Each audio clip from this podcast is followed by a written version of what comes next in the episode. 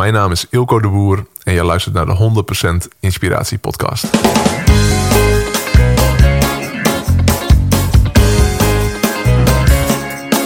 Hey, wat goed dat je luistert. Hij staat weer voor je klaar. Je wekelijkse dosis inspiratie is weer daar. De allerleukste gasten geven al hun kennis prijs. Met je veel te blije host, hij praat je bij. Zijn naam is Thijs.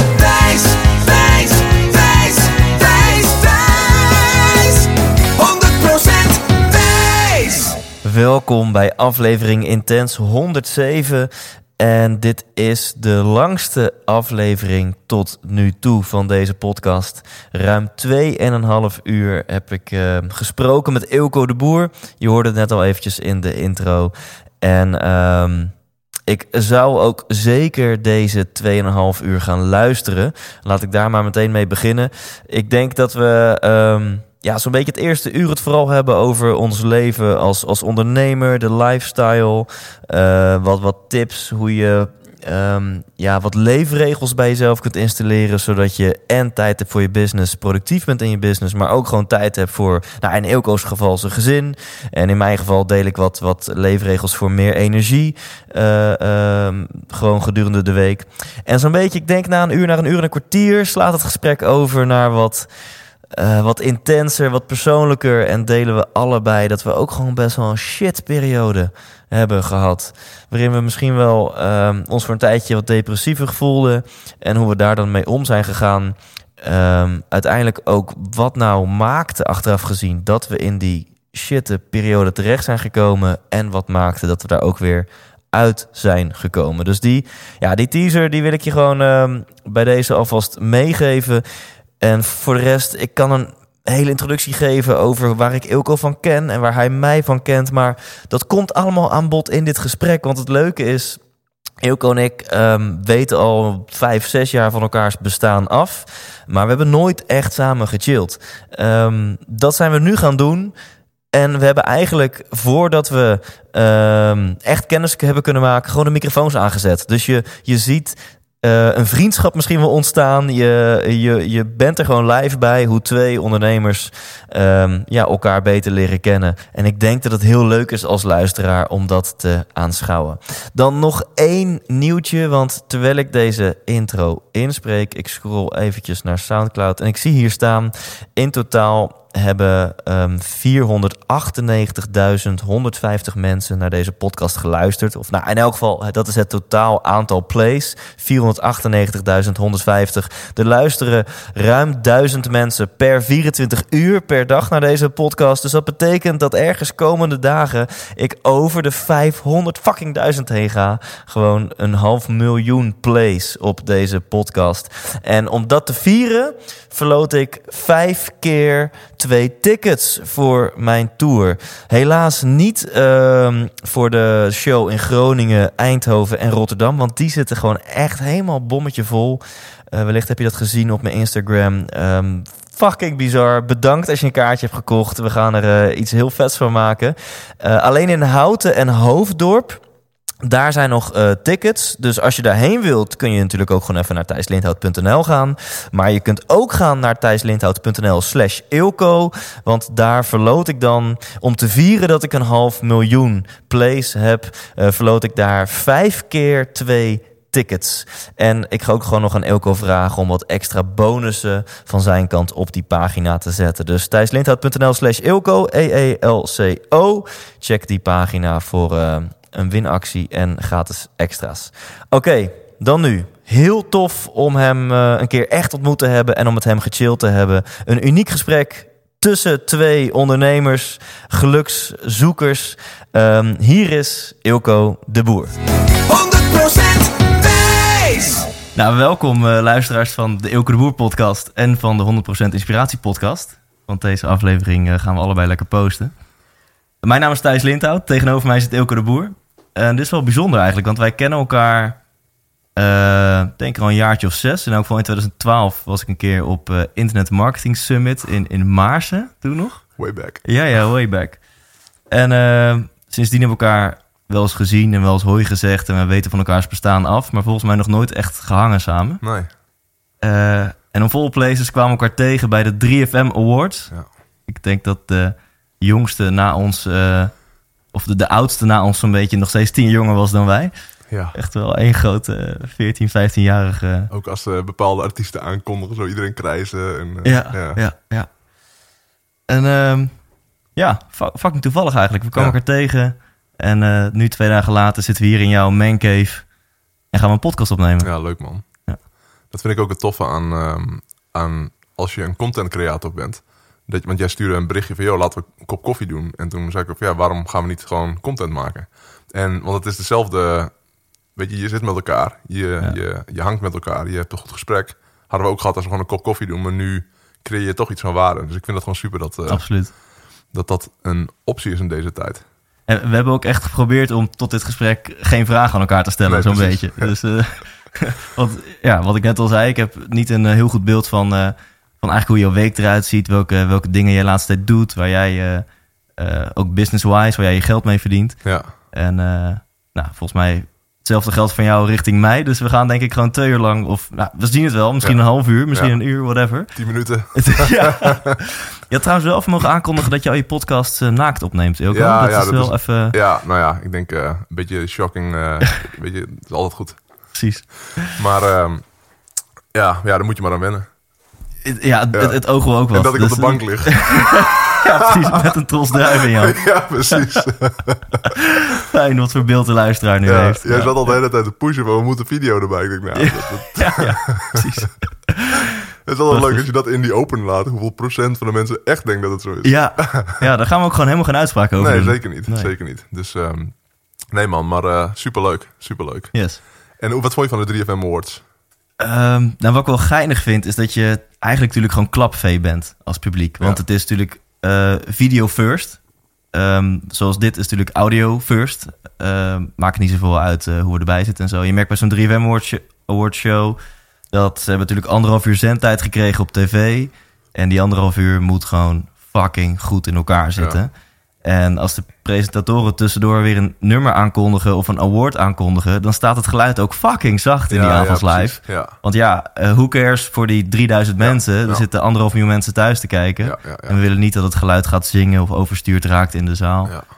Ehm, Oh, dat is de reden dat het natuurlijk zo of relatief zacht stond.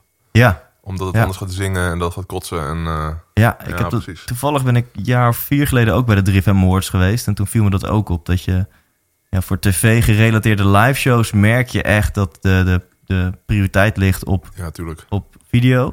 En ik ben best wel een, eh een productie-nerd, zeg maar. Ik, ik word al geil als ik een flight case zie. Dus Ja, daarom hoop ik ook dat mijn show steeds groter gaat worden... met meer techniek, met meer lights, met, met vuurwerk misschien wel... met, met videoschermen. Ehm, en ik vind het heel cool om te zien hoe ze dat doen. Een stuk of tien, misschien wel elf acts in anderhalf uur tijd. Ja. Vriendje van mij die is daar een van de technici backstage. Oh, Dus die stuurde mij al filmpjes door... dat er gewoon elf drumstellen op een rij stonden. wauw. Allemaal op zo'n rek. Oh, wauw. Want dan heeft net Jet Rebel een nummertje gespeeld. Dan gaat het doek omlaag. En wat dan achter dat doek gebeurt... Ja, dat is dus chaos. In Ja, anderhalf ja. à twee minuten moet alles eraf. De gitaren, de drumstellen, alles van Jet Rebel. Nieuw drumstel erop. Alle kabels geprikt worden. En dan ineens staat Bluff te spelen, weet je wel. Ehm, Ik vond Bluff goed trouwens. ja, Echt zo, ja. Ik zou niet zo snel naar een Bluff-concert of zo gaan. Of ik luister ook niet echt Bluff. Maar ik heb steeds meer dat ik die kant van muziek ook steeds meer ga waarderen. Dus meer de popkant, zeg maar. oh ja. Wat ik eigenlijk nooit echt heb geluisterd. En, ehm, maar ja, je zag daar wel het verschil tussen hem en heel veel andere artiesten, qua, of hun dan, qua, qua optreden. Ja. En eh, niet, niet om andere artiesten eh, weet je, af te doen als minder of wat dan ook. Maar daar zie je gewoon echt ervaring en kwaliteit en routine. En Ja. ja, ja heel, heel tof. Heel tof. ja die, die zanger Pascal heet hij, geloof ik. Die heeft echt een dijk van een stem. Ja, goede stem heeft die gast, hè? Echt goed. En ik, wat ik heel tof vond daaraan, is ja, die gast die zit ook al 100 jaar in het vak. En dat ze nu dit jaar hun beste jaar ooit hebben gehad of zo. Wat ik niet wist, daar was ik helemaal niet van bewust. Oh, Maar als je hun hoorde, zeg maar, als je hoorde wat voor, wat ze, zullen dan zo'n nummer dat 20, 20 weken op nummer 1 stond oh ja, zo. klopt. En- Ja, ze hebben hun grootste hit ooit nu gescoord. ja, Ja, ja. En, ehm, maar ook met, eh, weet je, met Ronnie Flex dat ze een, eh, een ding doen. En met, ja, hun grootste hit ooit. En dat, ja, dat zou je misschien een jaar of twee jaar geleden misschien niet verwachten. Ja. Maar dat vind ik het tof aan het, aan, aan het leven, maar ook aan carrières. En om te zien dat is iemand, of er zo'n groepen, wat dan ook, consistent goed blijft en blijft bouwen. Ja. Dat er altijd weer, dat, dat je steeds op een uiteindelijk moment ineens op een heel ander level zit. Ja. En ik vond het tof, ik had vanochtend dan met jou contact via, via WhatsApp met die Joe Rogan podcast bijvoorbeeld. En dat vanochtend, ehm, een vriend van mij stuurde mij een berichtje toen hij nog live het interview aan het doen was met Elon Musk. En dan zie je ook een Joe Rogan eigenlijk ineens bam naar een ander level gaan. Omdat die Elon Musk daar heeft zitten. Hij heeft Ja. natuurlijk heel veel andere Ja. grote, Ja. grote namen daar al, eh, hebben daar al gezeten. Maar dat Elon Musk nu vooral in deze tijd, omdat het, ja, mensen die, die, iedereen is met Elon Musk bezig. Wat hij aan het doen is en wat voor gekke uitspraken die heeft en hoe het met Tesla gaat en dat soort dingen. En dan zit hij daar ineens met hem. En ik denk ja, doordat hij gewoon duizenden gesprekken heeft gevoerd, of duizend plus gesprekken Ja. heeft gevoerd, ehm, zit je ineens op een heel ander level. En dat vind ik heel tof en inspirerend altijd. Van, eh, ik vind het leuk om te zien dat iemand succesvol is met een, een nieuwe persoon bijvoorbeeld. Maar ik vind het helemaal tof als iemand die gewoon consistent goed is Ja. geweest, ineens op een heel ander level zit. En dat, dat, dat vind ik ook leuk aan het ouder worden. Dat je dat ook steeds meer ziet, maar dat je dat soms bij jezelf ook ervaart, zeg maar. Dat je weet van, oh ja, dit is gewoon bijna aging, zeg maar. Dat je, Ja. dat je daardoor ineens goed wordt. Ja, absoluut. Als je een pad kiest en je blijft bij dat pad, wat natuurlijk helemaal niet hoeft, want alsjeblieft stuur bij als Ja. je erachter komt dat het niet meer bij je past of zo. Ja, Maar inderdaad, als je dat doet, en ik vind Kensington een heel mooi voorbeeld, want die ken ik toevallig een beetje, in ieder geval ken hun verhaal vrij goed, omdat ik hun nog wel uit het, eh, het Amersfoorts Utrechtse bandcircuitje ken, waar ik zelf ook in zat eh, vroeger. Eh, zijn zij ook echt een heel mooi voorbeeld van consistency en vol blijven houden, erin blijven geloven. Ehm, want in het Amersfoort Utrechtse bandcircuitje waar ik in zat, waren zij toen al wel een beetje de, de meest ambitieuze. Ehm, ze woonden toen met z'n allen in een studentenhuis. Ze hadden shitty jobs on the side. Puur om zoveel mogelijk uur in de muziek te kunnen steken. Dus echt, het was een beetje werken, to pay the bills, eh, slapen en alle tijd in die band steken. En dat deden ze al vier, vijf jaar lang. En nog steeds En toen kende je ze al? ja, ja. En ehm, toen deden ze wel een keer een albumpresentatie voor 150 mensen of zo. Dat was al best impressive, want andere bands kregen het niet zomaar voor elkaar. Maar ja, weet je, 150 mensen in de Echo in Utrecht, dat Ja. is natuurlijk nog helemaal niks. Nee. En eh, de grap is ook nog eens dat hun drummer er toen mee kapte. En toen zochten ze een nieuwe drummer. Oeh. En toen zeiden mensen tegen Oeh, mij... So close. Thijs, je moet even gaan solliciteren of gaan auditeren. Want Kensington zoekt een nieuwe drummer. Maar ik had mijn winkansen al gespreid. Want ik zat al in vijf bandjes. Want ik Oh, dacht, als ik in zoveel mogelijk bandjes zit... wordt de kans zo groot mogelijk Ja, ja. dat eentje van die vijf gaat doorbreken. Hoe oud was je toen? Eh, ik denk dat ik toen een jaartje van 19 was. Ja, precies. Zo, ja. Eh, en toen kreeg ik ook nog het nummer van eh, van Casper. die was toen de zanger, is nu de gitarist. Ja, je moet toen even bellen, je moet editie doen. Dat heb ik dus niet gedaan, want ik wist hoe dedicated die gasten waren. En ik had eerlijk gezegd zoiets van, dudes... Dit doen jullie nu al vijf jaar lang. Ehm, misschien moet je ook hints opvangen of zo. Ja, ja, ja. Misschien is jullie muziek gewoon niet mainstream genoeg. En ehm, dit zou zomaar eens een heel zielig verhaal... of een heel triest verhaal kunnen worden, weet je wel. Dat je gewoon over twintig jaar nog steeds eh, in de kleine clubjes staat... voor honderd gillende meisjes en that's it, weet je wel. Honderd, Ja. honderd oude mannen. ja, ja, honderd oude mannen inmiddels. En ik vertelde dit verhaal al bij een van mijn eerste eh, shows in het theater. Dat was toen in 2014 of zo. En toen was het nog niet zo'n impressive verhaal. Want toen was Kensington net een beetje aan het doorbreken. Maar ik vond ze toen al... Ja, ik was al vet impressed. Want ze hadden toen al een 3FM Award gewonnen. En ze deden toen echt een clubtour die echt uitverkocht was. Maar nu is het, het wordt alleen maar meer impressive. Mm. Wetende waar die gasten vandaan komen. Dat ze nu ja, gewoon bij far de grootste rockband van Nederland zijn. En de fucking Johan Cruijff Arena uitverkocht hadden. Ik weet niet of je dat wist. Maar stond, Nee, ja, ik eh, hoorde het dan ehm eergisteren. Want ik, ik Oh, was daar ook niet echt super bewust van of zo. Omdat het niet echt die stroming is waar ik veel naar, eh, veel naar luister. 3FM sowieso niet. Maar, ehm, maar dat wilde ik wel meer gaan doen. Ik vond, ik vond het echt wel tof. Maar ik had wel door eergisteren van... Wow, ja, die lui die zijn gewoon groot. Ja. En serieus groot, inderdaad. Ja. En Danielle, mijn vrouw, die zei dat ook. Ja, ze zijn echt groot. Want die wist, die, zij wist dat dus van die, eh, van die uitverkochte stadia en zo. Ja. Stadia, stadions. Stadion, stadia, toch? Dat ja, ik denk... dat is een meervoud van een stadion. Ik, ik weet het niet. Nee. in, in elk geval niet stadia's. Dat, dat zal hem niet Nee, zijn. precies. Nee, nee, nee. Ze hadden in, eh, volgens mij in december of januari... de Ziggo Dome vijf dagen op rij uitverkocht. Dus Hmm. dat is al een ticket of 60.000 of zo. Ja. Eh, nee, nog wel meer. En dan in juli de Johan Cruijff Arena uitverkocht. Weer 50.000 tickets. Ja, dat Dat is. Dan heb je gewoon 100.000 Nederland, nou, grotendeels Nederlandse of- en Belgische fans dan. Ja, En dat is, eh, dat is echt een mega percentage. Mensen die gewoon fysiek die ten eerste een investering doen en dan fysiek naar een locatie komen Ja. om, eh, om naar je te komen luisteren en te kijken. Maar als ondernemer ben ik dan altijd super benieuwd naar het businessmodel, weet Ja. je wel? Want zo'n stadionproductie is knijter duur. En kijk, een eh, Jay-Z en Beyoncé, die doen 40 van die Ja, shows op rij. Dus dan heb je best wat budget voor het ontwerpen van een, een podium en lights en alles. Ja. Maar Kensington moet dan zijn hele productie voor één avond Ja, moet je voorbereiden. Nou, even snelle rekensom, 50.000 maal 50. Dus je draait 2,5 miljoen omzet. Nou, die arena huren ze ook wel een half miljoentje kosten. Want Ja. ze hebben die arena een hele week gehuurd voor het ja, opbouwen zeker. en zo. Ja. Ehm, ja, en dan nog alle saleskosten. Mojo die, of eh, Friendly Fire, die doet volgens mij een management. Die pakt een heel gedeelte. Dan die hele productie. Nou, de crew is natuurlijk gigantisch. Dus ik ben Ja. best wel benieuwd. En Ja. achter de schermen, ze zijn ook nog met z'n vijven, weet je wel. Pakt een bandlid 10k Ja. of 2,5 ton Ja. op die ene Ja, ja, avond, ja. weet je wel. Wat, wat blijft uiteindelijk over? Ja, ja, ik denk dat het tegenvalt inderdaad. Ja. Weet je dat het... eh, het is ook een mega investering. Maar dat is ook, nou ja, je hebt natuurlijk ook een tijd in het seminarcircuit gezeten en nog steeds soorten met van. Ja. Maar ook daarbij zitten mensen altijd de rekensom te maken van. Want ik, ik ga nu binnenkort ook weer een seminar doen. En Ja. ik kreeg vandaag ook weer twee facturen. Terwijl het seminar nog moet beginnen. En eh, drie weken geleden ook al. En denk ik, ja, het is zo prijzig allemaal. Maar mensen onderschatten dat enorm. Ja. Om, alleen, ik ken een gast die eh, in Amerika geeft die seminars. En ehm, ja, die had dan afgelopen februari had hij een, een soort stadion afgehuurd. Grand Cardone heet hij. En, eh, maar de huur van het stadion voor drie dagen was al 3 miljoen. Dus hij moest al 3 miljoen al betalen om alleen al gewoon het... En dan, dan dat, dat had hij nog geen sprekerskosten, wat dan ook. Ik denk, ja, dat wordt vaak onderschat. En, Maar die eh, had een stadion gehuurd voor een inspiratie-event. Ja. Een- Ja, dus gewoon een driedaags event waar allemaal verschillende sprekers komen en die dan hun ding doen, zeg maar. Ja. En, ehm, maar die gast heeft ballen, jongen, dat is echt niet normaal. Die had dus, dus ik, ik, ik, ik hoorde dat, nou, weet ik wel, een jaar geleden of zo. Dat hij dan eh, zo'n soort stadion zou doen. Ik denk, ja, en hij had over 9500 tickets. Ik denk, ja, mazzel, weet je, dat, dat 2000, 3000 man, dat gaat je nog wel lukken. Maar Ja. 9500 man voor een nieuw, nieuw ding. Ehm, en ze zijn goed qua marketing, maar niet super goed of zo, zeg maar. En, en hij is niet een algemeen bekende spreker. En ook multi-speaker events. Nou, dat wordt ook al de hele wereld over gedaan. En, eh, maar die gast die had gewoon 9500 man daar zitten. En nu, dat is echt tof, die gast dat is echt een mooie gast hoor. Nu gaat hij in februari gaat hij 35.000 mensen doen.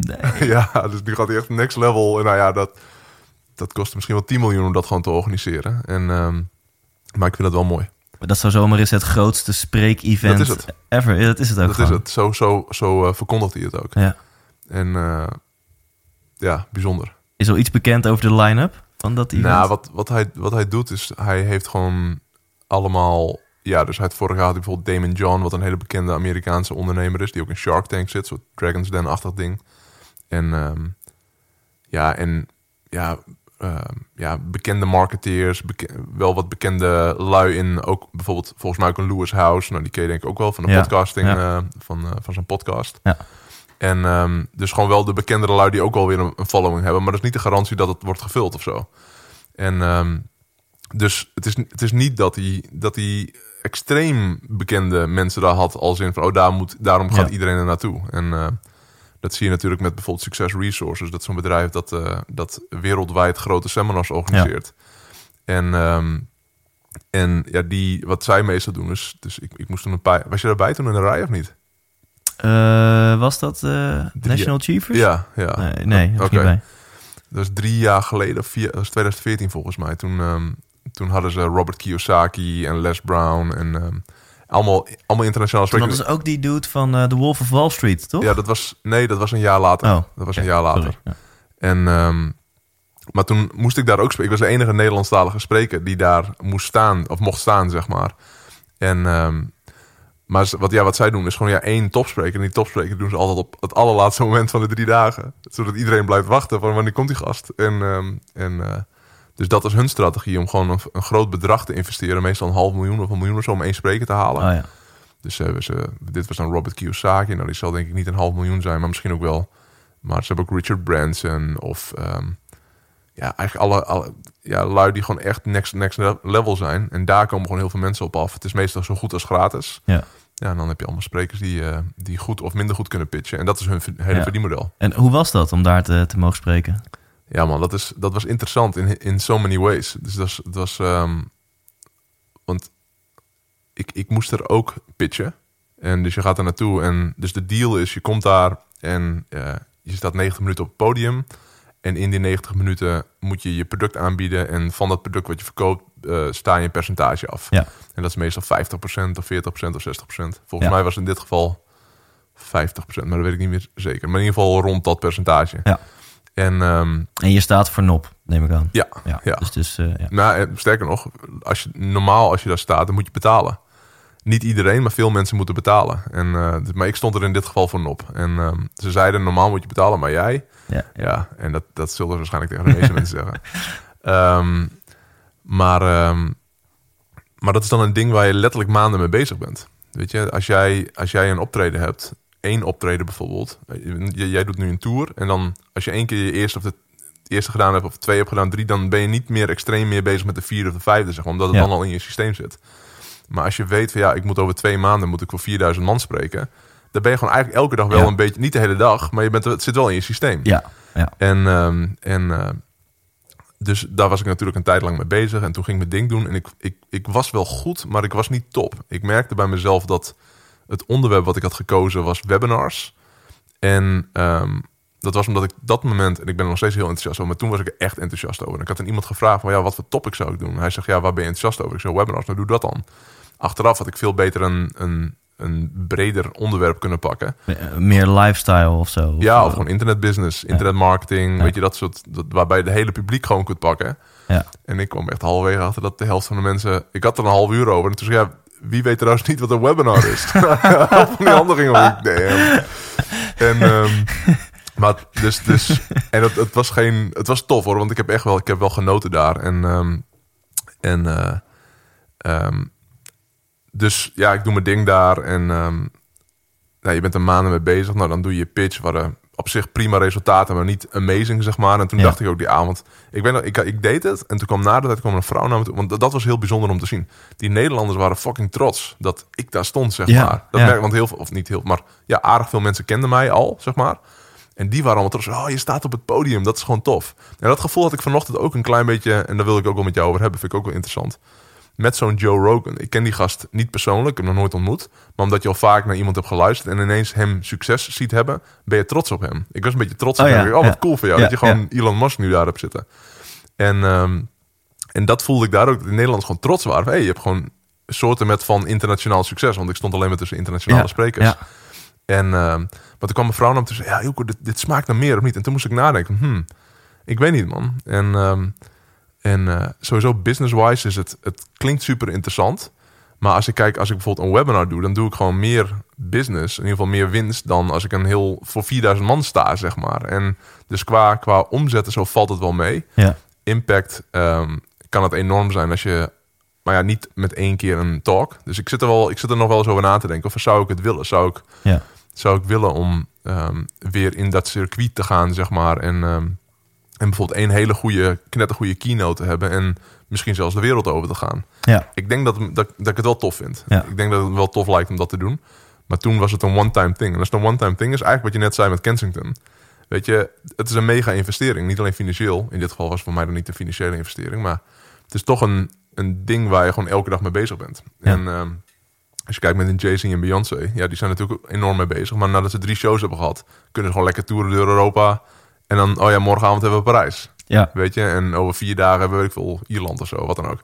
En ehm, dus ja, het was. En, en ik merkte ook, ja, dat is ook. Ik merkte de eerste paar minuten en ik, oh shit man. Want ik, ik, ik, ik stond er op het podium en er, er zitten gewoon 4000 man. En dat was op de tweede dag om 7 uur s'avonds of zo. En, en dat is. Ik vind groepsdynamiek vind ik super interessant. Maar ook qua spreker heb je de connectie met de, met de groep bijvoorbeeld. Ja. En, eh, maar ook wat gaat er in je eigen hoofd om? Weet je, er gaat natuurlijk van alles nog wat in je hoofd om. En je moet, moet cool proberen te blijven. En je hebt je presentatie en al die dingen. En op een gegeven moment was ik bezig en je zag gewoon mensen opstaan en weglopen. Maar niet, van, niet dat iedereen opstond en wegloopt, maar in een groep van 4000 Ja, man ja. staan de mensen op en lopen weg. Weet je, die moeten plassen of weet je, die oh, heb ik niks meer, whatever. Maar dat, gaat dan, dat zie je dan. En op een gegeven moment ben je bezig en dan zie je, oh, daar staat er ook iemand op. En dat soort dingen gaan er ook allemaal Ja. in je hoofd om, weet je. Ja. Dus ik had wel vijf minuten, tien minuten nodig om er een beetje in te komen. Ja, en toen dacht ik, oké, ehm, eh, stap even uit je hoofd. En toen stelde ik één of twee drie vragen, zeg maar. Dan komt er wat interactie en dan is, dan is het relaxed. En toen, vanaf dat moment was het dan helemaal top. En was echt lachen. Ik was dus aan het einde van die, eh, van die talk was ik aan het pitchen. En ehm, dus ik, ik had gewoon, weet ik wel, dan neem je echt gewoon een kwartier of twintig minuten om een goede pitch gewoon te doen. Ja, oké, dus je ongeveer 70 minuten Ja. content en Ja. 20 minuten pitch. Ja. Ja. En eh, dus ik zat midden in mijn pitch en ik voelde halverwege mijn, ehm, mijn presentatie eh, voelde ik al in mijn binnenzak van mijn jasje voelde ik al een sms'je gaan, zeg maar. Het trilde even en ik, oh, mijn, ehm, en dan een milliseconde ging door me heen, oh, mijn, geluid staat nog aan van mijn telefoon. En, maar niet meer benaderen, ik ging gewoon mijn ding doen. En toen was het, je staat dan op het podium, je hebt zo'n afteller die jij dan ziet, maar die zien de mensen Ja, niet. En ik zag ja. nog, weet ik veel, nog acht minuten midden in mijn pitch. En toen ging mijn telefoon af. dus ik pak mijn telefoon in mijn zak en ik zie eh, mam zie ik staan. en midden in mijn pitch. En ik denk van, maar ik heb een regel. En die regel is als mijn moeder belt, dan neem ik op. Ongeacht de situatie. Oh, dus God. ik, dus ik zeg van...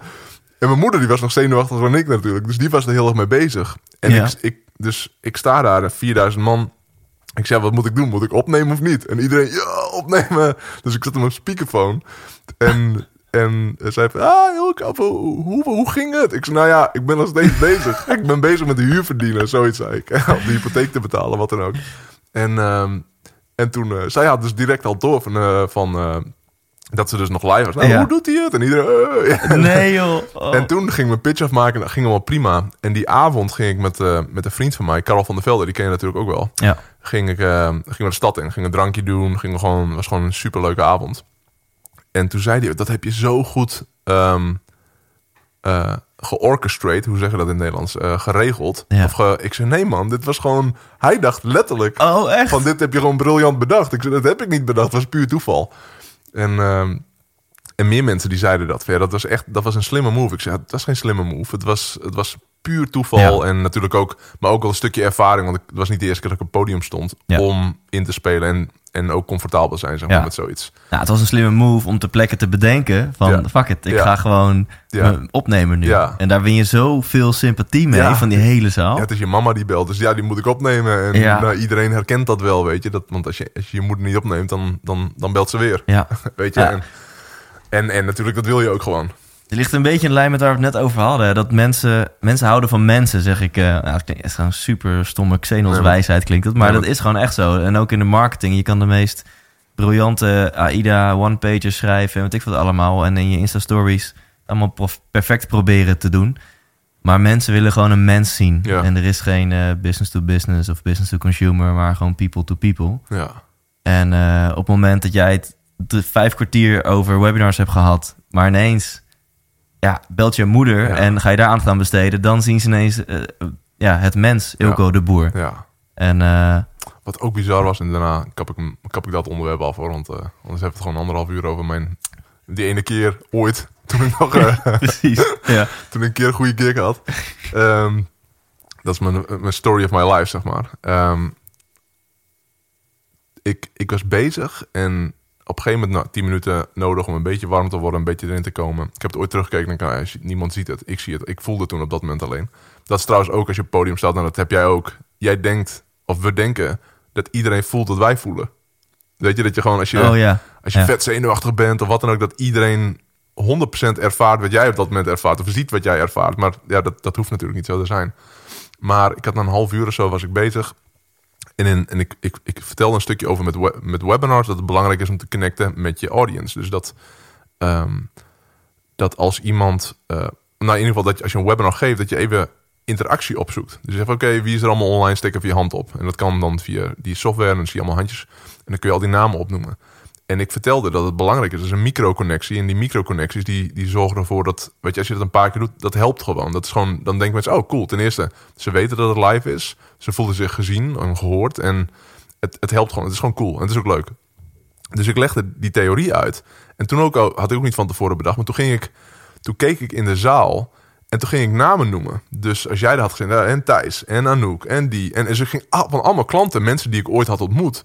En ik noem, ik noem naam, naam, naam, naam. En je ziet al die mensen, oh fuck, hij, hij weet mijn naam, hij weet mijn naam. En, en ik was bezig en bezig en bezig. En ik had, ik had die dag ervoor en die dag zelf had ik al een vrouw gezien. En ik, oh man, vaag, ik ken haar, maar ik weet niet waarvan. Ik kon niet plaatsen waar ik haar van kende. En, ehm, en eh, dus ik noem al die namen. tip, Pap, pap, pap. En zij zat midden in de zaal, gewoon op zaal op, op rij 200 of wat dan ook. En ik noem die namen en ik zie haar. En in dat moment ik zo, ah, en Patricia. Weet je, en dat is ook zo'n bijzonder moment. Dat als je in de moment bent en dat je gewoon, gewoon connected bent. Want op zo'n moment ben je natuurlijk mega connected. Ja. Dat er ook dingen omhoog komen en dat je, in een, dat je iets ergens intapt, zeg maar. Wat, waar je met je hoofd niet bij kunt. Maar als je helemaal in het moment bent, dan zie je het wel. En, dan, Ja. en, eh, en je zag haar ook gewoon, what, what the fuck, hoe weet die gast dat, man? En eh, dat, was, dat, was, dat was ook zo'n moment van, een moment van in het moment zijn. Ja, en dat hebben, dat hebben heel veel performers, denk ik, dat je, dat je dingen doet waar je met je hoofd niet bij kunt.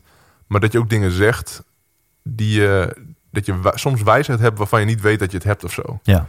En ehm, ja, Ja, dat als je in een bepaalde state bent, dan komt ook vanzelf de, de bijbehorende content. Of in dit geval, dan weet je ineens iets wat je eigenlijk niet hoort te weten of Ja. was vergeten. ja.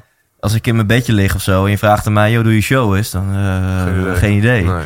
En dan, maar als je dan eh, gewoon staat en dan- als ik dan in mijn, in mijn slaapkamer gewoon dezelfde houding zou gaan aannemen als, als on stage. En ik zou die eerste zin eruit rammen, dan ineens dan kom je in een bepaalde state en dan rolt alles eruit. Dus Ja. alsof je dan gewoon naar dat vakje in je brein toe gaat en daar is dan al die, eh, die content. Ja. hey, maar En- één ja? één ander ding nog. Hè. Wat ik, ik heb nagedacht over deze podcast vandaag. En ik had het net over, ik vind het heel tof om iemand die je kent te zien, ehm, s- zien dat, het, dat het lukt, zeg maar. Ja. En ik ken jou dan vanaf 2012 dus. Toen, toen werkte je bij Suc- Succesgids of je liep stage of zo. Wat was het? Nou ja, dat is een iets ander verhaal. Oh, oké. Maar stel je eens vraag. Ja, ja, Ja. je mag me zo corrigeren. Ja, en, ehm, en toen was je, zoals ik jou kan herinneren, ehm, was je heel leergierig, enthousiast. ehm, ja, gewoon ook wel blij. ga- Gewoon, mm, ja. Maar ik, ik, ik vond er niet heel veel van of zo misschien, zeg maar. Want Mhm. ja, op zo'n moment ben ik ook met eigen... Want toen, de Ja. keren dat we met elkaar in, in contact was, was omdat ik toen moest spreken op, de, op eh, hun seminars. En, ehm, en ehm, ja, dus je, ziet ook niet direct iemand zijn potentieel direct of dat soort dingen. Eh, het is ook niet dat ik niet je potentieel zag, maar ik was daar gewoon Nee, niet, ik- op dat moment niet, gewoon niet echt mee bezig. En, eh, en toen later kwam je volgens mij met die CO2-seminars dingen. Ja, en ja. eh, ik heb later van Damian nog gehoord dat het gewoon echt heel goed ging. En dat het gewoon echt een, een, een, een super, eh, super goed concept was. Dus dat, dat vond ik al tof om te horen.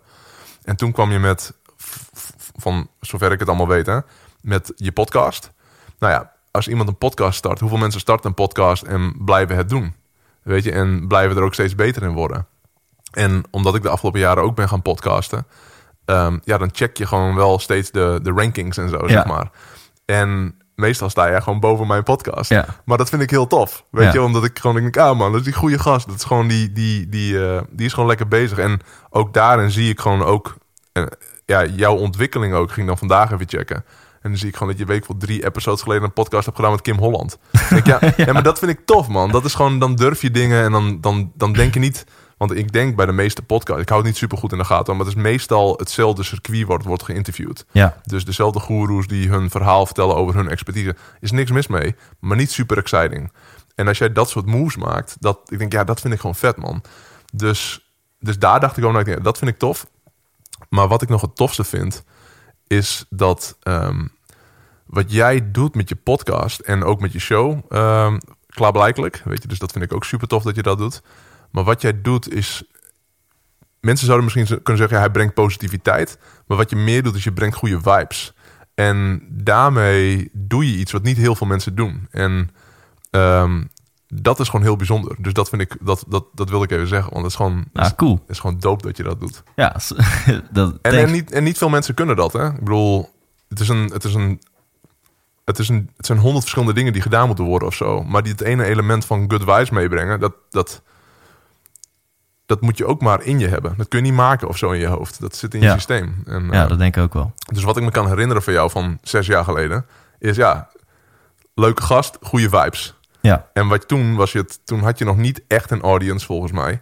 En nu heb je een flinke audience in, in a lot of different ways. En denk ik, ja man, dat is, dat is gewoon je ja, taak. Ja, absoluut. Ja, weet je, ik had zes jaar geleden ook niet verwacht dat ik hele bijzondere dingen ging doen met mijn leven of zo. En niet dat ik nou echt eh, de wereld aan het veranderen ben, maar ik ben wel. eh, eh, ik heb nu al meer bereikt dan ik dacht dat ik zou bereiken. En die show die ik neerzet is gewoon al een overwinning op mezelf. Ja, maar het, het is ook iets wat nog niet bestond. De inspiratie in het theater, dat bestond nog niet echt. Bestaat nog steeds niet echt. En eh, ja, daar ben ik natuurlijk ook fucking trots op dat ik scheid heb aan de gebaande paden en ook zonder impresariaten. Gewoon helemaal op mijn eigen manier die theaters boek. Zo volledig vul met ticketing via mijn eigen website, met mijn eigen branding en mijn eigen eh, sales funnel, Ja, zeg super, maar. super. Ja, dat is echt heel cool.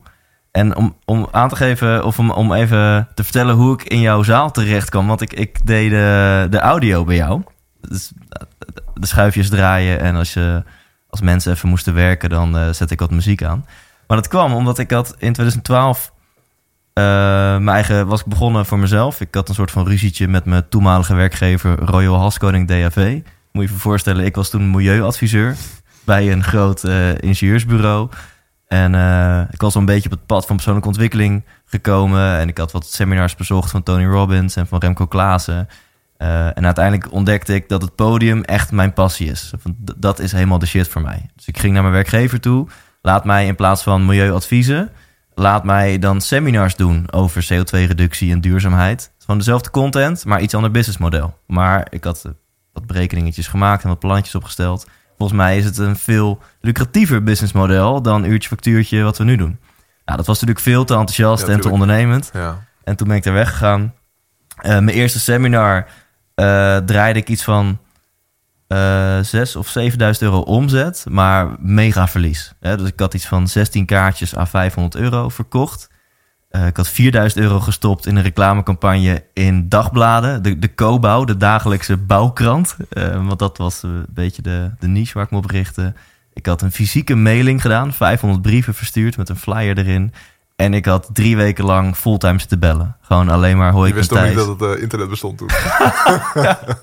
Ja, mogelijk. En dus dat gewoon puur op nul kennis, maar wel 100 punten op gebied van drive en doorzettingsvermogen. En toen heb ik een, eh, een berekening gemaakt en toen kwam ik erachter dat ik ongeveer 17 cent per uur had verdiend, eh, Ja. zeg maar, als ik alles meerekende. En toen dacht ik, nou, dit moet anders. En toen besloot ik, laat ik eens leren van mensen die de weg kennen.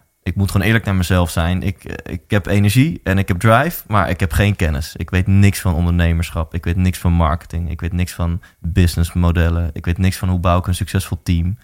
Nou, en toen kwam ik eh, terecht bij Ene Ilko de Boer met een traject. En dat heette Internet Business Mastery, geloof Mhm. ik. Zeven dagen, Ja, volgens mij. Ja. Verspreid over meerdere, ja, over een paar maanden, zeven dagen. 2012 is dat inderdaad. Ja. ja.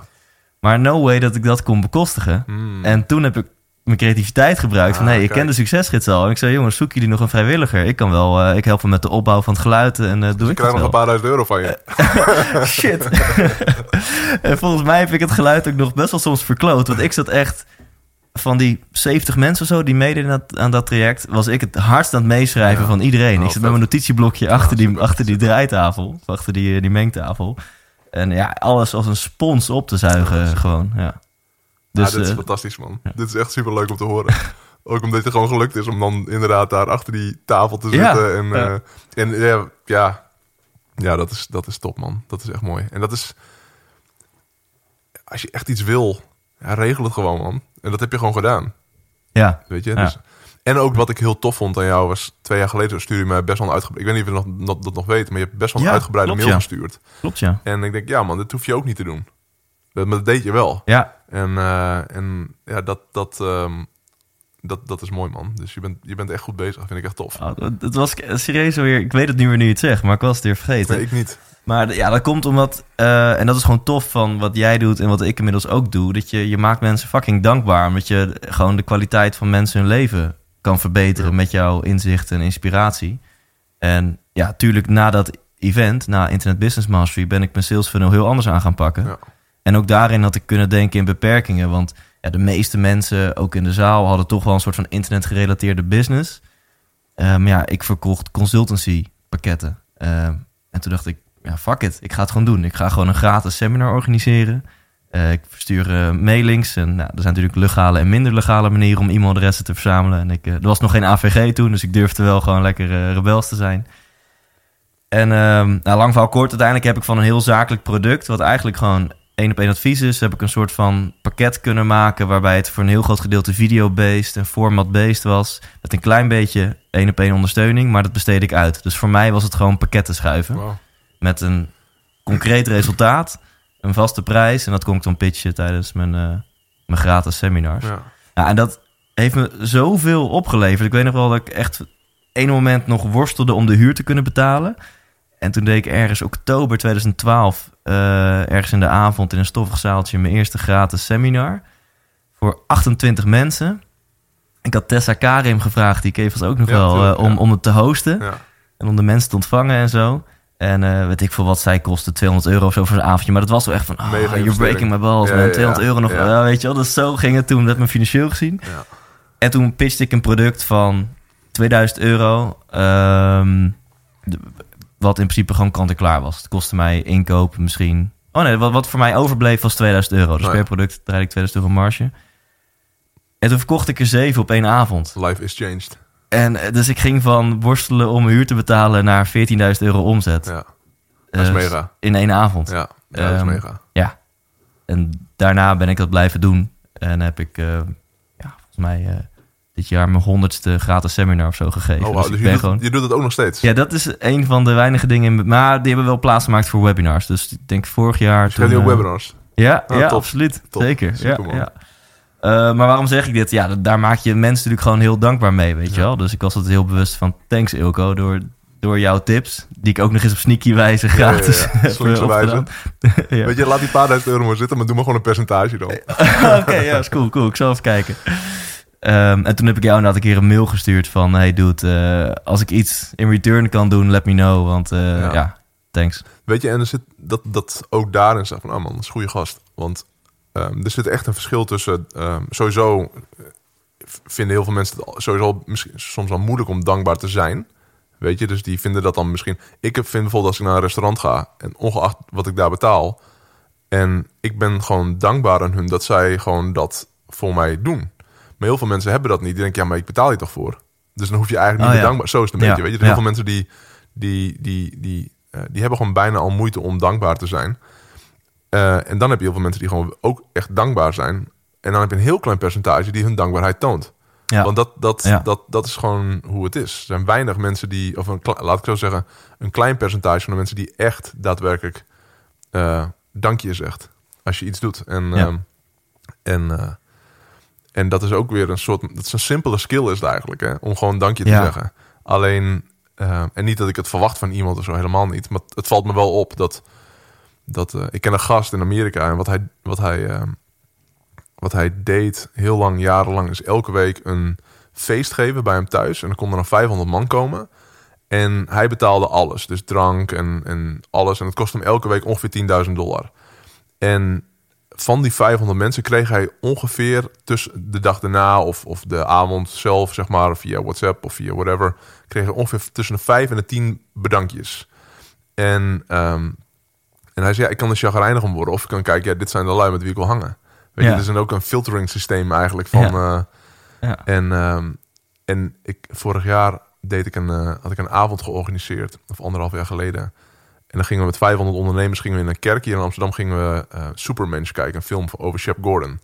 En eh, dus een gratis avond had ik helemaal georganiseerd. Ik denk dat het mij misschien wel 15.000 euro kost om die avond te organiseren, Nee, zeg maar. En alleen maar leuk, hè? dus ik heb alleen maar goede herinneringen aan. Maar toen na tijd ging ik ook nadenken, hey, het is grappig. Er waren 500 mensen, ze hadden we uitgenodigd. Ik had ook voor iedereen had ik een boek nog van, over Shep Gordon, over hem. Eh, dus dat was nog 10.000 euro, want 500 keer 20 dollar, zeg maar, wat ik had betaald voor die boeken. En, ehm, en ik denk dat, en nogmaals, ik deed het niet om dat te krijgen, maar ik denk dat acht mensen iets mee hadden gebracht. Een, een, een flesje, flesje drank of zo. Of, ja, of ja, een- gewoon een bedankje. iets, zeg maar. En ik denk, ja, dat is acht op de 500 mensen die dat dan eigenlijk, eh, die op die manier dan hun dankbaarheid tonen. Maar ook 492 mensen die daar niet eens bij nadenken van, hé, dit is best wel bijzonder eigenlijk dat dit... En heel veel mensen dachten, ja, er zit een addertje onder het gras of zo. Maar het was gewoon een toffe avond, Ja. wat ook wel apart was. Maar eh, Zo van, waar is die pitch? ja, ja, Eh, precies. Daar zaten ja. mensen echt op te wachten. Toen waren ze een beetje ja. verdwaald van, hè, we kunnen nu gewoon naar huis gaan. Mogen we nu naar huis gaan, na die, na die toffe avond. Ja. En, ehm, en dat dus. En ik weet ook niet hoe ik daarin ben hoor. Ik denk dat ik heel dankbaar ben en ook mijn dankbaarheid toon. Maar ik, dat is wel iets om jezelf gewoon regelmatig bij te checken. Van oké, doe je het zelf ook? Practice je dat Ja, zelf absoluut, ook? Zeg maar. ja. En eh, dus. eh, Ja, dus- ik, ik ben ehm, ja, een soort van geluksexpert, zo durf ik mezelf wel te noemen. En eh, ik ben nu ook een boek aan het schrijven. En ik, het is echt nog een ontzettende brainstorm van waar de fuck gaat mijn boek. Ja, ik weet waar die over gaat. Hij gaat over geluk. Maar dan kan je alsnog 10.000 verschillende boeken schrijven. En ik wil niet dat het just another self-help boek wordt met weer een tien stappen plan naar geluk en succes. Ja. Dus ik probeer een beetje die code te kraken van wat maakt nu gelukkig. En daar wil ik alles in meenemen. Want je hebt ook gewoon mensen die zijn eh, depressief of die hebben een aanleg, een genetische aanleg om wat eerder depressief te zijn. Om nog maar te zwijgen over mensen die gewoon verschrikkelijke dingen hebben meegemaakt. Of een hele eh unresourceful omgeving hebben enzovoort. Ehm, maar goed, die code ben ik redelijk aan het kraken. En, en een van de onderdelen, ja, daar kan ik niet onderuit, is inderdaad dankbaarheid. Ik denk dat daarvoor nog zit trouw leven aan jezelf. Ik denk dat dat een van de belangrijkste dingen is. En dat je daar bovenop een hele hoop add-ons hebt. Van, nou ja, vervolgens, als je trouw leeft aan jezelf, dan helpt het stellen van ehm, eh, toffe doelen. Zeg maar, als je doelen ook nog eens hebt die bij jou passen, dat vergroot je kans op geluk. Ja. Als je specifiek je omgeving kiest, mensen, met mensen hangt die jou energie geven, vergroot je kans op geluk. Ja. In staat bent om veel in het hier en nu te leven, hoe mindfuller eh, je kan leven, hoe meer je gewoon kan zijn, hoe gelukkiger je waarschijnlijk bent. Mhm. Nou, en hoe positiever je mindset is, dus dat, zo ja, wordt een tof boek, denk ik. Ehm, en om hierop in te gaan, dankbaarheid, dat is, dat is zo ontzettend. ehm, we kunnen het dus heel ingewikkeld maken, geluk, maar ook heel simpel. Als Ja. je wat vaker dankbaar bent, dat heeft echt een significant effect op je geluksniveau. Ja. Maar dan nog steeds is het heel makkelijk van ons om nu zo te zeggen als inspiratoren van, nou, wees wat vaker dankbaar. Ik vind dat, ik, ik Maar- vind dat een interessant hoor. Want het, om, om inderdaad te zeggen van wees dankbaar. Ik heb er ook heel veel vaak over nagedacht. Ja, fuck man. Ik, ik voel me niet goed. En hoezo wees dankbaar? Ik, ik voel me gewoon fucked up. Ja, En dan kan ik wel gaan zitten en mijn ogen dicht doen, gaan mediteren aan alle, alle mensen van wie ik hou. Dat, maar na de tijd, ja, je voelt je misschien 6% beter of zo. Maar niet, het is niet dat je na de Ja, tijd helemaal... precies. En dat vind ik wel, ehm, dat is wel een interessante. Dus het kan wel frustrerend bijna zijn voor mensen om dat alleen al te horen. Van wees gewoon dankbaar. Of wees dankbaar. Of, of practice gratitude, weet je. Dus ik snap hem helemaal. Ik ben het helemaal met je eens. Maar het, ik kan me ook heel goed voorstellen dat mensen, als ze dat horen of lezen bijvoorbeeld. Dan denk ik, ja, ja, dat is makkelijker gezegd dan gedaan. Ja. En vooral als je inderdaad, stel je voor dat je depressief bent. Of depressief eh, voelt. Ja. En iemand zegt dat tegen, denk ik, ja, flikker op man. Ja. Met je dankbaarheid. Ja, ja precies. Het wordt alleen maar erger. Ja. Fucking positivo. Ja, Ja. Nee, is- ja, weet je, ik kan nu zeggen, pak dat flesje op. Dat is gewoon een commando. Ja. Pak je dat flesje op. Als ik nu zeg, hey Ilko, doe eens dankbaar. Ja. Ja. dan dat, kan je inderdaad wel gaan denken aan van... Oh, oh wat leuk, de zon schijnt. Eh, dat vind ik fijn. Of, hé, hey, wat tof. Ik eh, heb vanochtend iets tofs gedaan met, eh, met mijn zoon of whatever. Maar ja, uiteindelijk gaat het erom dat je het voelt. ja. En dan denk ik wel dat, dat practice de beste tip is. Eh, Wat, wanneer voel jij je meest, meest... Wanneer voel jij de meeste joy in je hart? Ja, is ook weer een andere vraag dan, dan dankbaar. Ja. Eh, ik vind eerlijk gezegd nog wel dat ik soms iets te afhankelijk ben van externe events om heel veel joy te ervaren. Ja. Dus ik had in, in juli had ik een eh, early bird maand voor mijn tour dit najaar. En ik hield er echt, want de maand juli natuurlijk onwijs komkommertijd. Het was fucking heet. Dan zit je ook niet echt in de mindset om een ticket te gaan kopen voor een avondshow ergens in het najaar, in de herfst of in de winter, zeg maar. Dus ik was me hartstikke bewust van, van ja, eh, wie gaat nou vier maanden van tevoren zo'n ticket kopen? Nou, daarom doe ik maar een early bird actie in de maand juli.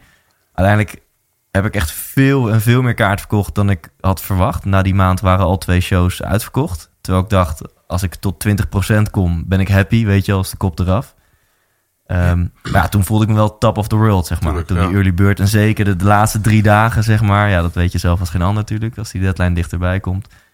Ehm, dus als je vraagt, wanneer heb jij voor het laatst echt de joy ervaren? Ja, dat is wel dan op zo'n moment.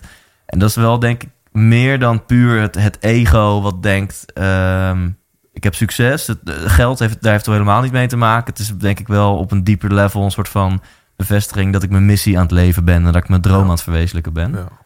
Eh, maar als ik kritisch op mezelf ben... ja, dan ervaar je dus heel veel joy... op een moment dat een extern event is gebeurd. ja. Maar het is wel een resultaat van een intern ding bij jou. Ja, Weet je, het is dus, we hebben het wel moeten creëren. Het komt wel vanuit jezelf. En daardoor is het Ja. wel weer een... Ik snap het helemaal hoor. Maar ik, en ik snap ook de frustratie die er soms bij komt. Van ja, fuck man, kun je niet gewoon blij zijn? Ik bedoel, kijk wat je allemaal hebt. ja. Weet je, en kijk wat het allemaal is. En ik ben gezond Ja. en ik heb dit. En ik, word- je gaat al die dingen. En vervolgens denk je dan van ja, shit man. Voelt een beetje, beetje off of zo. En dat... ehm, en ik... Ja... Het is ook lastig, weet je, om... eh, je ziet lui en je weet ook niet hoe zij zich voelen bijvoorbeeld. Dus iemand kan heel fris bijlopen en blij zijn, zeg maar, en lachen en denken, ja shit, die is ook al dankbaar, die is ook al blij, die is ook al helemaal happy. En terwijl je zelf alles hebt en denk van, ja shit man, schiet niet op. En, ehm, en eh, dus vergelijken met anderen is ook altijd zo'n zo'n ding of zo. En, ehm, maar ik denk ook dat als je natuur is, dat je, ehm, want jij bent volgens mij een achiever. Je wil gewoon eh, je zei net voordat, je, voordat we gingen podcast, ja, gisteren, eh, gisteren crossfit gedaan. Oh, en ja. mijn benen trillen nog. Ik, wil, wie de fuck gaat er nou crossfit doen? Weet je? Dat doe je niet als je zoiets Ja. zegt van, nou, weet je wat, ik wil gewoon mijn leven een beetje leiden. Het is allemaal prima. Nee, dat betekent dat je iets wil doen. Je wil jezelf stretchen, je wil beter worden, je wil groeien, je wil al die dingen doen. En, eh, en als, je dat, als je die persoonlijkheid hebt, en die heb jij 100% volgens mij, die heb ik ook. Ehm, dan is het inderdaad soms meer een uitdaging om gewoon in het moment gewoon lekker te chillen en lekker blij te zijn. Nee, want je wil eigenlijk door naar het volgende. Ja. En, ehm, en het gevecht daartegen, dat kan al heel veel energie kosten. Van ja, Ja. kom op man. En ja, ik heb daar wel een beetje bij neergelegd hoor, de afgelopen jaren. Vooral afgelopen jaren ik gewoon heb geaccepteerd dat ik die persoon ben. Dat ik gewoon wil groeien en door wil gaan en, eh, en, en wil creëren. En, en dat als ik helemaal stilsta, dat ik daar gewoon echt niet gelukkig van word. Ja. Weet je, ik kan ik, twee weken chillen of zo op een eiland of zo. Dat klinkt allemaal hartstikke leuk, maar ik word er niet gelukkig van. Ik vind het wel tof, weet je, ik vind het allemaal lachen. Maar ik word er niet echt gelukkig van. Ook al zijn de surroundings perfect. Ook al ben je met, met, met, met, weet ik ben je met je gezin of ben je met vrienden. Dit is allemaal super. Maar nog steeds is dat onrustige gevoel. En, eh, en, maar als ik dan bijvoorbeeld tijdens zo'n periode van twee weken... als ik gewoon wel nog drie of vier uur per dag werk... omdat ik gewoon dingen voorwaarts wil duwen... Ja. ja, dan is het fantastisch. Ja. Dan is het gewoon fantastisch. En ik heb bij mij altijd, de, of niet altijd, maar heel lang de, eh, dat, een beetje dat gevecht aangaf. Ja, gast, geniet nou gewoon, man. Doe gewoon chill. Je bent hier op deze plek met die mensen Ja. en dat. Ja. En, doe gewoon, ik, en nu weet ik van nee, ik ben gewoon, ik, ben daarin gewoon anders dan heel veel andere mensen. En, ehm, en, en dat vind ik nu helemaal prima. Weet je, we hadden het net over Elon Musk. Ja, niet, niet dat ik hem bijzonder gelukkig vond Mhm. ogen tijdens die podcast. Dat is ook wel een interessante topic. Maar Ja. nou, laat ik het zeggen, een Richard Branson bijvoorbeeld. Ja. Dat is een gast die, die, ehm, die mega veel doet en een fantastische lifestyle stijl heeft, maar die gaat ook niet twee weken chillen en niks doen, zeg maar. De- ja, je brein loopt door, je hebt nieuwe ideeën, eh, je, hebt, je neemt je verantwoordelijkheid ook. Dat is ook nog een ding wat vaak wordt eh, door de surrounding, door de mensen om je heen misschien wordt weggeschoven. Van, want wat jij nu doet, alleen die tickets al, zeg maar, dat je daarmee bezig was, is ook weer een stuk verantwoordelijkheid wat je neemt. Maar misschien kan je omgeving zeggen, ja, Thijs, doe nou even rustig aan. Ja, hallo, ik heb, Ja. ik heb dit staan, dit moet wel gevuld worden, want anders Ja. hebben we een probleem, weet je. Ja. Ja. Cool. En, en ik denk dat die balans gewoon lekker is om, ehm, om wel in beweging te zijn, momentum te hebben en ook lekker te kunnen genieten van, eh, van, eh, van mooie Ja. dingen. Ja, ik vind het wel super interessant om te horen. Want ik, ik denk dat we allemaal, eh, zeg maar, als ik even voor achievers mag praten, dat we allemaal wel in het begin ja, gewoon alleen maar gas geven, gas geven, gas geven. Sommigen komen in een burn-out, eh, sommigen niet. Maar ik denk dat iedereen na een tijdje wel, als je iets ouder wordt, op een punt komt dat je merkt van ja, maar is, is dit het dan, zeg maar? En dan kan je het pad kiezen dat je misschien wat spiritueler wordt. En dat je zegt van nou, ik ben nu een paar jaartjes ouder en ik haal, nu meer het genot uit me, het zien van mijn kids of zo. Of eh, ik eh, probeer wat minder mijn geluk afhankelijk te laten zijn van zakelijke successen. Eh, maar ik hoor jouw route een beetje is meer van, nou, ik heb mezelf beter leren kennen en ik, ik, ik ja, dat je minder oordeelt over jezelf, Ja. dat je maar altijd hard werkt en dat Ja. je gewoon hebt gemerkt, ja, maar dat is gewoon wie Ilko de Boer is en daar word ik gewoon heel erg gelukkig van. Ja. En eh, ja, 100%. En sterker nog, niet eens meer dat je er niet meer over oordeelt, maar dat je het gewoon gaat waarderen. Ja. Weet je, damn, dat is toch echt. Wie doet dat nou? Weet je, wie, niet dat ik mezelf zo. Want ik vind mezelf fantastisch, hoor daar niet van. Maar niet dat ik mezelf zo fantastisch vind. Van, eh, van, eh, dat ik mezelf vergelijk met. Al, dat ik tegen anderen zeg: oh, wat doen jullie slecht? Wat helemaal niet. Maar wel van. ah, dit is gewoon eigenlijk hartstikke goed, man. Weet je, als. Ik vind het- een voorbeeld vind ik. ehm, we- me- mensen die kijken naar mensen die harder werken en die oordelen daar dan over. Of die denken dat iemand hard werkt. Want weet je, het is niet eens dat ik vind dat ik heel hard werk. Ik vind dat ik nog veel harder mag werken. Ehm, dat vind ik ook leuk. Dat is ook gewoon. Ik, mijn doel is eigenlijk gewoon: oké, eigenlijk wil ik elk jaar harder gaan werken. In plaats van minder hard gaan werken. Dat lijkt me tof. Als ik gewoon elk jaar harder en productiever kan werken. ja, dat is toch vet? Dat je gewoon je leven steeds voller raakt met vette dingen. En, Ja. Want mijn werk is eigenlijk grotendeels vette dingen waar ik gewoon gepassioneerd over ben. En, eh, en ik heb ook jarenlang een beetje rustiger aangedaan. Dus, nou, ik word daar echt niet gelukkig van. Dat zijn echt de momenten dat je half depressief raakt. Dat je denkt, van, damn man. Weet je, en, ehm, maar ik vind een, ik vind een mooi voorbeeld een, ehm, een Obama of zo. Weet je, als we aan Obama denken, dan hebben we dan over het algemeen, heeft- vooral in, in Europa, hebben we er een goed gevoel bij. Weet je, het is gewoon, gewoon een. Ik denk dat wij weinig mensen twijfelen aan zijn intenties. En, Ja, ehm, ja. en is goede gast, heeft, is succesvol geweest. Voor hem jammer hoe het nu allemaal gaat, zeg maar. En dat het een beetje een vlek is op, op misschien zijn legacy, een klein beetje. Maar misschien in de toekomst niet hoor. Maar, maar als we aan Obama denken, dan denken we niet van dat is een slechte man. Ehm, maar is hij de standaard vader bijvoorbeeld? Is hij iemand die elke ochtend het boterhammetje aan het smeren was voor zijn kids... en was hij elke avond thuis met eten en dat soort dingen? Nee, hij was zeker niet een slechte vader. Ik denk dat niemand denkt, oh, hij is een slechte vader. Maar hij is wel een andere vader. Ja, ja. En ehm, dat, is, dat is voor mij ook wel een ding geweest van de afgelopen jaren. Van oké, ben ik een. Ben ik, omdat ik anders ben dan al die. We zitten hier op Eiburg, letterlijk. En ehm, ja, daar zie ik dus heel veel. En dat is dan mijn beeld een beetje erbij. Hè? Allemaal papa's die inderdaad 's ochtends wel hun broodjes smeren voor hun kids. En gewoon s'avonds om half zes aan het eten zijn. En dat is een beetje mijn beeld van de meeste eh, mensen bijvoorbeeld hier. ja.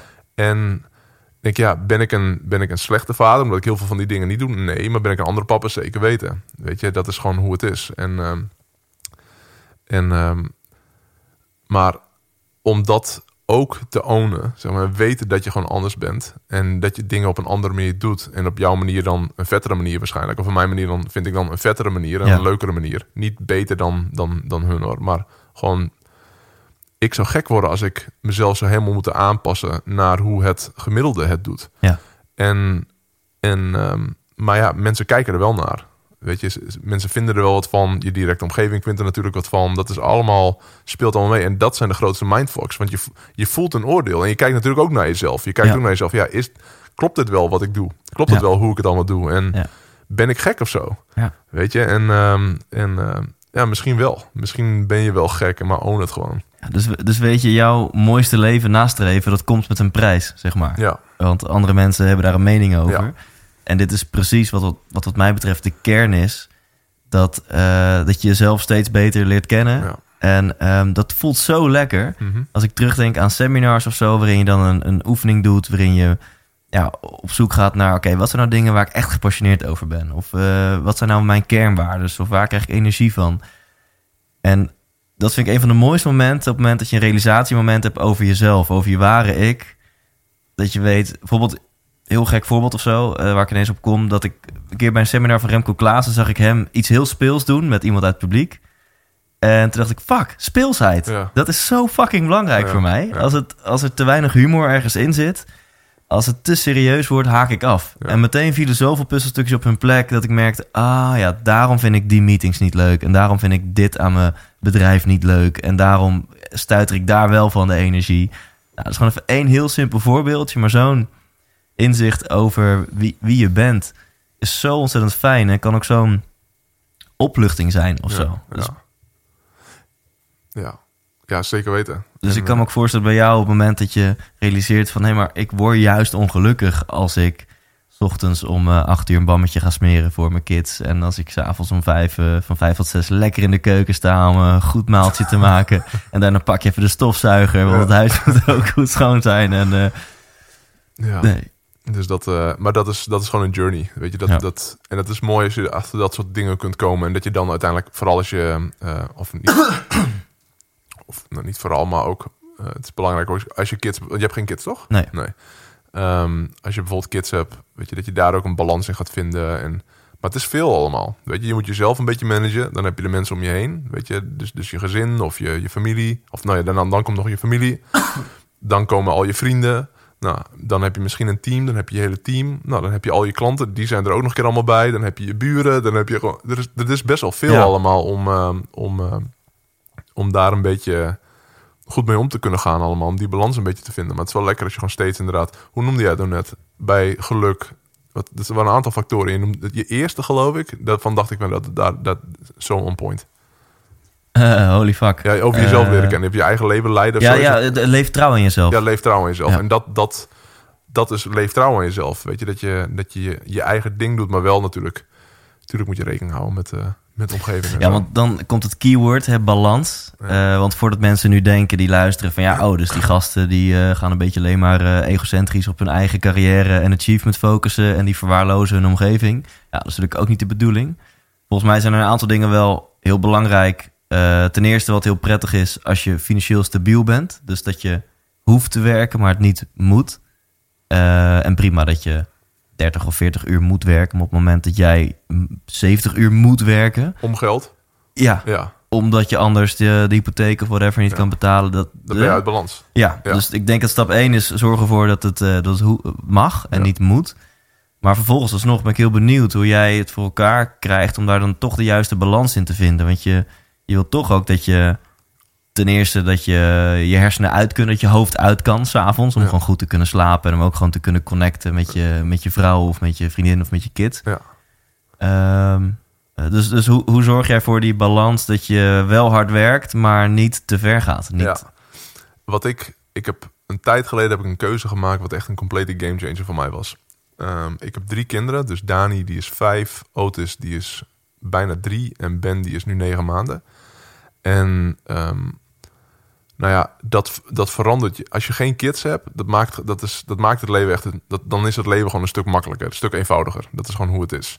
Niet dat het eenvoudig is of makkelijk is, maar het is eenvoudiger en makkelijker. En ehm, voor veel mensen dan. Weet je, voor, voor mijn vrouw, die, ik, ik denk dat voor haar het leven makkelijker is geworden nu we kinderen hebben. Want nu kan zij haar purpose leven. Dit is gewoon haar- waarvoor ze echt is gemaakt. Ja. Fantastisch. Zelfs mijn vrienden zouden zeggen tegen mij van ja man, als ik mijn moeder kon inruilen voor jouw vrouw, dan zou ik erover nadenken. Zij is echt Ja, fantastische ja. moeder. Oh, en, eh, gek. ja, en Ja. dat is en ook dat weer, zeg maar, als je het hebt over balans, de gemiddelde, misschien hier zelfs op, op een eiburg, de gemi- het gemiddelde gezin is, is balans, eh, vrouw werkt, man werkt, bijvoorbeeld. Dus beide werken ze 30, 40 uur, whatever. Ja, ja. Dat, is, dat is hun balans. En als ze dan bijvoorbeeld naar onze situatie kijken, dat Danielle fulltime moeder is en ik ben fulltime ondernemer, zouden ze misschien denken dat is uit balans of zo. Voor ons is dit perfect in balans. Dus dat is een ding wat sowieso enorm scheelt. Dat, Ja. ik, dat, ik, eh, dat zij, dit is haar purpose, dit is waarvoor ze leeft. Ze denkt niet eens aan, ik moet een baan zoeken of, of wat dan ook. Anyway, een tijd geleden, dus ja, ik werd papa van Dani en ehm, je hebt bepaalde verwachtingen ook van het, van het ouderschap.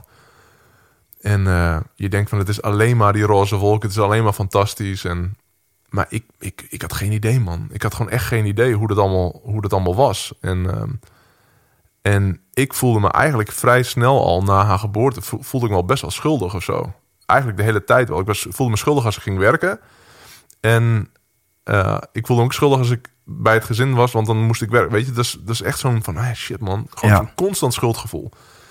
En, en daarbij ook dat ik dacht, als je een baby krijgt, dat je elke keer als je die baby ziet, dat je alleen maar, dat je hart gevuld wordt met liefde, zeg maar. Dat je alleen maar blij bent. En ja, dat zo'n baby geeft niks terug. Weet je, dus, dus dat is bij mij sowieso niet. Een klein beetje misschien, maar bij Danielle, mijn vrouw, dan wat meer misschien. Maar het geeft gewoon heel weinig terug. Dus ik, ik miste op een bepaalde manier een soort met van connectie of zo. Ik had, dat was eigenlijk wat ik had verwacht. Ik had een mega connectie verwacht van wauw, dit is gewoon... En dat soms ontbrak, dan denk ik, hé, maar ik, ik, ik, ik heb niet dat, dat, dat, Ja. dat mega warme gevoel de hele tijd of Ja. zo. En ehm, dat was een mega worsteling voor mij in mijn hoofd. Van, damn, ben ik, nou, ben ik wel een goede vader? Is dit wel gewoon al die dingen, weet Ja. je? En, ehm, en nou, dat was dan het begin. En nou ja, door de jaren heen van alles nog wat gebeurt. Gewoon eh, alles, alles. Je, je leidt je leven, je went aan bepaalde dingen. It's all good. Gewoon, ik denk, ah, fuck man, ik ben gewoon verliefd op mijn dochter en op mijn tweede zoon. Weet je, is allemaal, dat heeft allemaal tijd nodig. En, ehm, en, eh, en, maar ja, dan heb je bijvoorbeeld ook nog je ouders. Dus mijn ouders leven beide nog, waar ik heel blij mee ben. En eh, ze zijn beide gepensioneerd. Zij leven ook 100% voor onze kinderen, weet je. En ehm, dus dat is een, een ding wat er ook is, waar ik heel blij mee ben. Maar wat ook alweer een ding is, waarvan je denkt van ja, daar moet je ook aandacht aan besteden. En dan is dat is je ouders. En dan heb je nog je vrienden. En heb je, je hebt al die dingen. En, eh, en ik heb toen een tijd geleden heb ik voor mezelf de keuze gemaakt. Oké, wat is voor mij het meest belangrijke? Want als je, en dat vind ik ook een interessante vraag ook om aan iemand te stellen. En dan te kijken, oké, maar hoe zijn je acties? Dus je moet vragen, wat is het meest belangrijk voor je? Nou, dat, dat, dat en dat. Oké, hoe ziet je gemiddelde week of maand eruit? En vaak komen die dingen er niet eens bij. Dus ik stelde mezelf de vraag van, oké, wat is voor mij het meest belangrijke? Nou ja, sowieso natuurlijk mijn gezin, eh, mijn gezondheid, mijn ouders nou, en dan nog een aantal andere dingen. En wat ik mijn klanten ook leer is, ik, ik noem het de Freedom Framework. Dus dat je een framework inricht waarbij je maximale vrijheid ervaart. En wat je dan doet, is de dingen die je moet doen. Want ik moet naar mijn ouders toe, zeg maar. Niet dat het moet van hun of wat, maar dat, ik moet dat gewoon doen, zeg maar. Ja. Dat is gewoon de dingen die je moet doen, die zet je daarin en die zijn non-negotiable. Die zijn niet onderhandelbaar. Sport is voor mij niet onderhandelbaar. Ik moet sporten. Ehm, tijd met Danielle is, is niet onderhandelbaar. Ik moet tijd met Danielle spenderen. Ehm, ik moet tijd met mijn gezin spenderen. Weet je, dat, dat is gewoon belangrijk. Dat is, dat is gewoon alles voor mij. En dus ik ben een lijst gemaakt, heb een lijst gemaakt van dingen die voor mij het meest belangrijk waren. En toen ben ik gaan kijken, oké, hoe ziet mijn gemiddelde week of maand eruit? Ja. Ik denk, shit, dat komt niet echt helemaal overeen. En ik denk, ah, daar komt ook een stuk schuldgevoel vandaan. Het punt is, ik word niet wakker 's ochtends. Daar ben ik heel eerlijk in. Ik word niet 's ochtends wakker en denk, oh, ik ga even lekker het paar uurtjes met mijn gezin hangen. Of, oh, weet je wat, ik ga vandaag even naar mijn ouders toe. Of, dat, dat, zo, ik word wakker 's ochtends en denk, oké, wat, gaan we, wat gaan we aanpakken vandaag, weet je? En, waar, en hoe gaan we alles regelen? Hoe gaan we alles doen? En dat is dus mijn eerste gedachte. Ehm, en dat is ook wie ik ben. We hadden het over het achieven. Dat is gewoon hoe ik ben.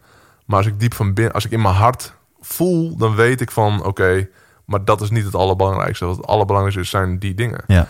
Wat ik toen ben gaan doen, is ik, ik ben eh, de Freedom Framework gaan inrichten. En ik ben die dingen ben ik gaan, eh, ja, on, niet onderhandelbaar gaan maken. Ononderhandelbaar, niet onderhandelbaar gaan maken. En ik heb mijn moeder een bericht gestuurd. En ik heb gezegd, ehm, elke maand kom ik een nachtje bij je logeren. Of bij jullie logeren met één, twee of drie van mijn kinderen. Of met hele gezin, met Danielle erbij. Maar elke, elke, elke maand. Dus ik heb er alle data gestuurd. Nou ja, als je data naar je moeder stuurt... ehm, ja, daar kun je niet onderuit. weet je, ik kan niet zeggen, weet je, mam, ik heb het druk, ik kom niet. No fucking way dat Ja. dat kan. Zeg maar, Ja. Dat kan niet. Hetzelfde met mijn zus. Ik, ik zag mijn zus te weinig. Dus ik zag mijn zus misschien... Tuurlijk zag ik het bij, mijn- bij mijn ouders thuis en, en met verjaardagen en dat soort dingen. Maar één op één zag ik haar te weinig. En dus misschien dat het twee keer per jaar uit eten ging of zo. Maar dan, als je een half jaar niet één op één met elkaar bent, dan, dan ben je een beetje aan het bijpraten. En op een gegeven moment heb je nog een half uur connectie en dan ga je weg. Ja. Toen heb ik mijn zus een bericht gestuurd van oké, we gaan om de twee maanden gaan we met elkaar uit eten. Het is niet extreem veel dat je elkaar ziet of zo. Maar meer dan voldoende om een goede connectie te blijven. Ja. En wetende dat het niet uit de hand loopt. Wetende dat je niet uit elkaar groeit. Je kunt Ja. niet uit elkaar groeien als je om de twee maanden met elkaar uit eten gaat, zeg maar. Eh, en daarnaast nog alle andere keren. Dat je, vorige maand ben ik nog met haar naar eh, Creta geweest. Maar dus, ik heb mijn moeder, een, het is zo praktisch dit hoor, maar zo waardevol voor mij. Ik heb mijn moeder dat bericht gestuurd. Ik heb mijn zus dat bericht gestuurd. Ik heb een aantal vrienden bericht gestuurd.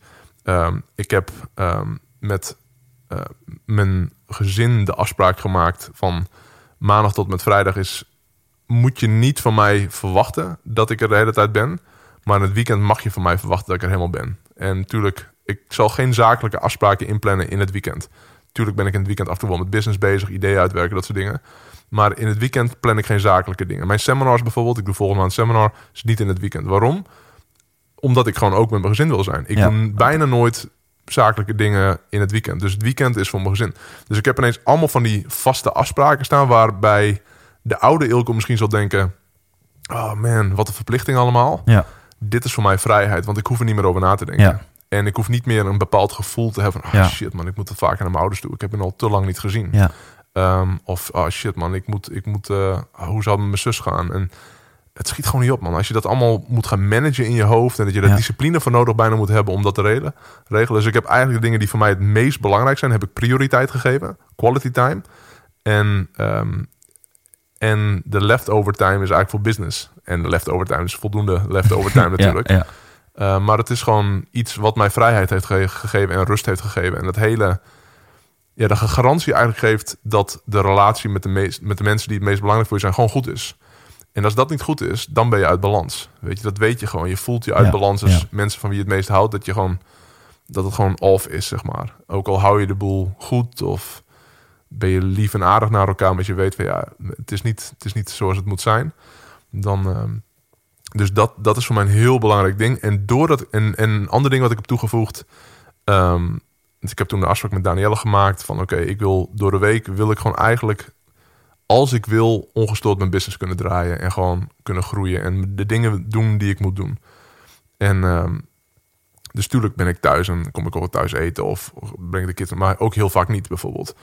En, maar ik voelde daar van ja, dan ben ik wel een beetje uit balans ook als papa. En nu breng ik elke ochtend mijn kids naar school. Dus ik heb ook een afspraak met, met, met Danielle gemaakt. Oké, ik breng elke ochtend, of vrijwel, of laten we zeggen de helft misschien, of 60%, of soms 100%, of soms 30, gewoon maar elke ochtend ben ik klaar om de kids naar school te brengen. Ja, en dan ja. heb je ook weer sowieso elke ochtend een half uur minimaal al de connectie met je kids bijvoorbeeld. Ja. En mijn grote inzicht was toen ik al deze dingen ging doen, dat mijn business beter ging draaien. Omdat ik ehm, zonder, zonder naar gevoel er vol in kon staan. Ja. En niet Ja. half erin kon staan. Ja. Dus nu, ik ben vol in mijn gezin, of mijn ouders, of mijn vrienden, wat dan ook. En ik zit vol in mijn business en niet halverwege een beetje. Het, het zeurt niet. Ja. En dat is vrijheid, man. Weet je, dat, dat, dat, dat soort dingen niet zeuren, dat is gewoon vrijheid. En natuurlijk ook als je financieel gewoon goed bent, dat scheelt enorm. Als je gezond bent, scheelt enorm. Ehm, goede mensen om je heen scheelt enorm. Ik denk ook een heel tof ding. Ik weet niet hoe jij erin staat, hoor, maar als je nog een topic nodig hebt voor je boek, ehm, gewoon je shit onder ogen zien.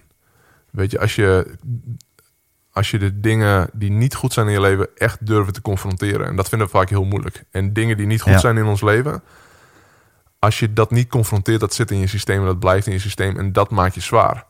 En je, het is heel moeilijk om verlicht te raken, of dat verlichte gevoel te raken, als je shit hebt in je leven wat je gewoon nog niet hebt opgelost. Als je nog een Ja. allemaal open eindjes hebt, allemaal relaties die niet goed, goed zijn afgerond. Als je, ik noem het, je kunt niet verlicht raken als je weet dat de Belastingdienst morgen aan de deur komt kloppen. Weet je, dat, dat, dus alleen al confronteren en, en, en, en, en ja, de, de dingen die niet makkelijk zijn eh, onder ogen te zien, eh, ja, dan dat, dat, dat zorgt ook meer voor Ja, relaxedheid. en dat ligt wat mij betreft 100% in lijn met leef trouw aan jezelf. Mhm. Want het is natuurlijk super makkelijk om dat ook weer te zeggen van eh, leef trouw aan jezelf. En het is wel een inzicht wat je heel vaak terug ziet komen. Bronnie Ware heeft een onderzoek gedaan naar waar hebben mensen nou spijt van op, als ze op hun sterftebed liggen.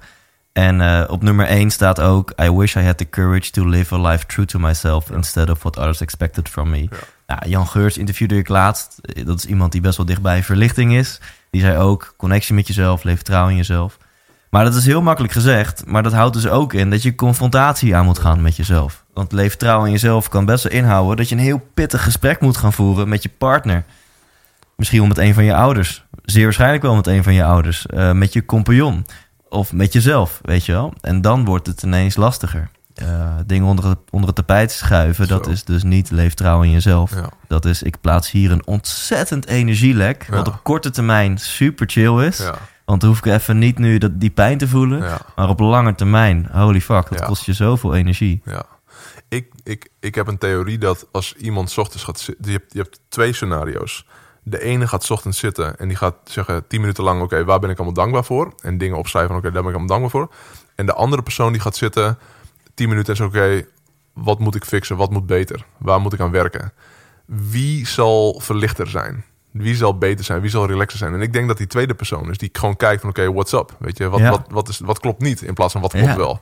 En- Waar is het onkruid? Ja, je? precies. En, eh, want als je daar, hoeft niet dagelijks natuurlijk, maar als je daar gewoon goed regelmatig mee bezig bent, hoe kun je dan nog echt slecht zijn, zeg maar? Hoe kun je dan nog echt ongelukkig zijn? Hoe kun je dan, als je weet van oké, ik ben gewoon echt actief bezig om te kijken van oké, wat klopt niet? Weet je, en dan, dan eh, ik denk dat dat het, het een belangrijk pad is richting verlichting, is om inderdaad Ja.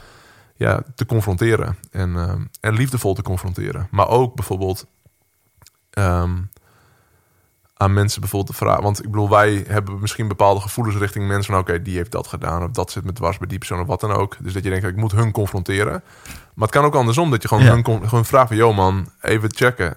Hoe, hoe, hoe kijk je naar onze relatie? Of hoe vind je dat ik Ja. het doe de laatste tijd of wat dan ook? En ja, daar we vaak ook naast. Dan denk je, want ja, we denken dat we allemaal fantastisch zijn natuurlijk, maar we maken zelf ook fouten Ja, en die ja. zie je niet. Ja. Die zie je niet. Eh, Echt eh, gewoon dingen opengooien in relaties, dat levert zelden negatieve resultaten op. Weet je wel? Bijna nooit. En eh, sowieso heel tof wat je net vertelde. Gewoon die hele praktische tip over hoe jij dus bepaalde ja, keien in je leven hebt hebt gebouwd. Van tijd voor mijn gezin, tijd voor, voor mijn vrouw, tijd voor mijn zus, mijn moeder. Eh, ik weet zeker als mensen dat horen dat ze echt beginnen te schrijven van oké, chill, super Ja. concrete tip. Ja, en het is zo concreet. Niet, Ja. niet, niet normaal zo concreet. Ja, ja. En het is life-changing, man. En ja, Remco Klaassen zou dat leefregels noemen. Dat vind ik ook een heel mooi inzicht. Dat je gewoon een aantal. En het klinkt heel zakelijk, maar het is, het is fucking kicken. Zoals dat voorbeeld bij jou. Als je een aantal regels voor jezelf hebt. Hoe jij eh, wil leven en je daaraan houdt. Dat, dat levert zoveel op. Ja. En ik zeg maar als geluksexpert ben wel altijd op zoek naar van ja, maar wat, wat is nou die holy grail? Want betekent dat dan dat je alleen maar gelukkig kan zijn als je leefregels hebt en een personal mission statement? Nee, tuurlijk niet, weet je wel. Maar als we gelukkige mensen gaan analyseren, en dat is meerdere malen wetenschappelijk en heel praktisch gebeurd, dan zie je gewoon bepaalde patronen. En dan zie je dat de meeste bovengemiddeld gelukkige mensen, die hebben hele duidelijke doelen voor zichzelf. Ja. Die in lijn liggen met waar ze voor staan in het leven. En die hebben ook gewoon hele duidelijke habits en een hele duidelijke ja, een manier van authentiek zijn. Die durven echt een authentieke zelf te zijn. Ja. En vervolgens kan het, is het dus echt niet verplicht dat jij een document hebt met een aantal leefregels. Maar dat kan wel heel erg helpen. En of ze nou in een document staan of niet. Ehm, ik merk bij mezelf ook, als je gewoon dat, dat, dat onkruid er soms uittrekt en merkt van oké, wacht even. Pijnlijk, maar... En dat kan bij mij zelfs dingetjes zijn als... Als ik bijvoorbeeld mijn koelkast open doe en ik heb niks in huis... dat is best wel een energielek. Dan voel ik me gewoon ook... is gewoon kut, ten eerste. En een beetje, ja, ga je oordelen over jezelf. Ja, fuck, ik heb niks in huis. Ja. En dat, dat voelt... Misschien is dat het. Dat voelt gewoon alsof ik mijn shit niet op orde heb. Mhm. En ik word er heel gelukkig van... van mijn shit op orde hebben. Ja. Daarom is mijn huis ook bijna altijd opgeruimd. Ja. Ik geloof echt in opgeruimde omgeving, opgeruimd hoofd. Ja. En eh, dat is een regel die ik nu ga installeren om gewoon elke week albert.nl langs te laten komen met gewoon een standaard boodschappenlijst. Ja. Dat altijd shit in mijn koelkast Ja. staat. Of ehm, ja, zo zijn er zat dingen. Ik, ik, word er, ja, ik merk gewoon dat het echt heel veel energie geeft om Ja. bepaalde dingen die structureel energie kosten in je leven. Om daar bijvoorbeeld wat jij zegt, nou, het kost structureel energie, dat schuldgevoel dat ik eigenlijk mijn moeder vaker wil zien. Gewoon één regel daarvoor in de plaats en die installeren. Ja. En het levert je superveel op. Ja, of het schuldgevoel wat je hebt als je die koelkast opentrekt en er staat niks in. Door het nu gewoon te regelen met albert.nl en dat gevoel is weg. Ja, Weet je, het is gewoon geregeld. ja, En, en ja, het- weet je, het is, het is ook hoe je één ding doet, dus hoe je natuurlijk alles doet. Weet je, je hebt een netjes huis en een, een, een, een goede, nou, een hele, soms een te schone koelkast. ja, precies. En, eh, maar dat, dat, dat zegt heel veel over iemand. Weet je, Ja. hoe, eh, hoe iemand gewoon zijn zaken regelt en, en gewoon ook in het leven staat. En ja, jij zit ook niet te wachten op shit waarschijnlijk in je leven. Gewoon Nee, absoluut opgeloste niet. dingen. En, eh, En om misschien met iets inspirerendere voorbeelden te komen qua sporten. Ik, ik wil twee, drie keer per week sporten. En eh, niet heel veel meer, niet heel veel minder.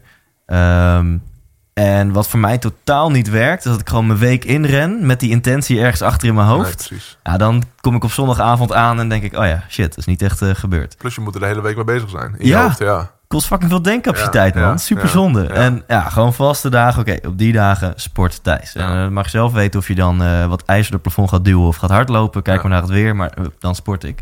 Een andere regel die ik nu voor mezelf heb is om wat meer ritme in mijn leven te krijgen. Ik heb de luxe, eh, en jij in je werk denk ik ook, maar goed, je hebt wel drie kids. Maar ik heb de luxe dat ik echt bijna elke dag kan, eh, eh, geen afspraken heb. Dus als ik wil, kan ik zo lang in mijn nest blijven liggen als ik wil. Eh, ik ben een ontzettend avondmens. Dus daar heb ik ook heel erg van genomen afgelopen tijd. Maar ik merk toch dat ondanks dat ik geen ochtendmens ben... dat ik echt ongelukkig word van uitslapen. Ja. Dus dat is één regel die ik nu heb geïnstalleerd. Om half acht, dat is voor heel veel mensen is dat echt al eh, tegen lunchtijd Ja, aan. ja. voor mij is dat echt vroeg. Half acht sta ik op. En eh, ik heb een ochtendritueeltje wat ik elke ochtend doe. En dat geeft me al zoveel eh, duidelijkheid en energie. En welke ik nog veel belangrijker vind... We hebben het heel vaak over morning rituals hè, en morning routines. En er zijn heel veel boeken over geschreven. Maar een avondroutine vind ik, vind ik eigenlijk net zo belangrijk. Daar begint je ochtendritueel eigenlijk al. Ja, Ja. ja, want je wil een energieke dag. Ja. Daarvoor moet je goed slapen. En om goed te slapen moet je met een ontspannen lijf en hoofd je bed induiken. Ja.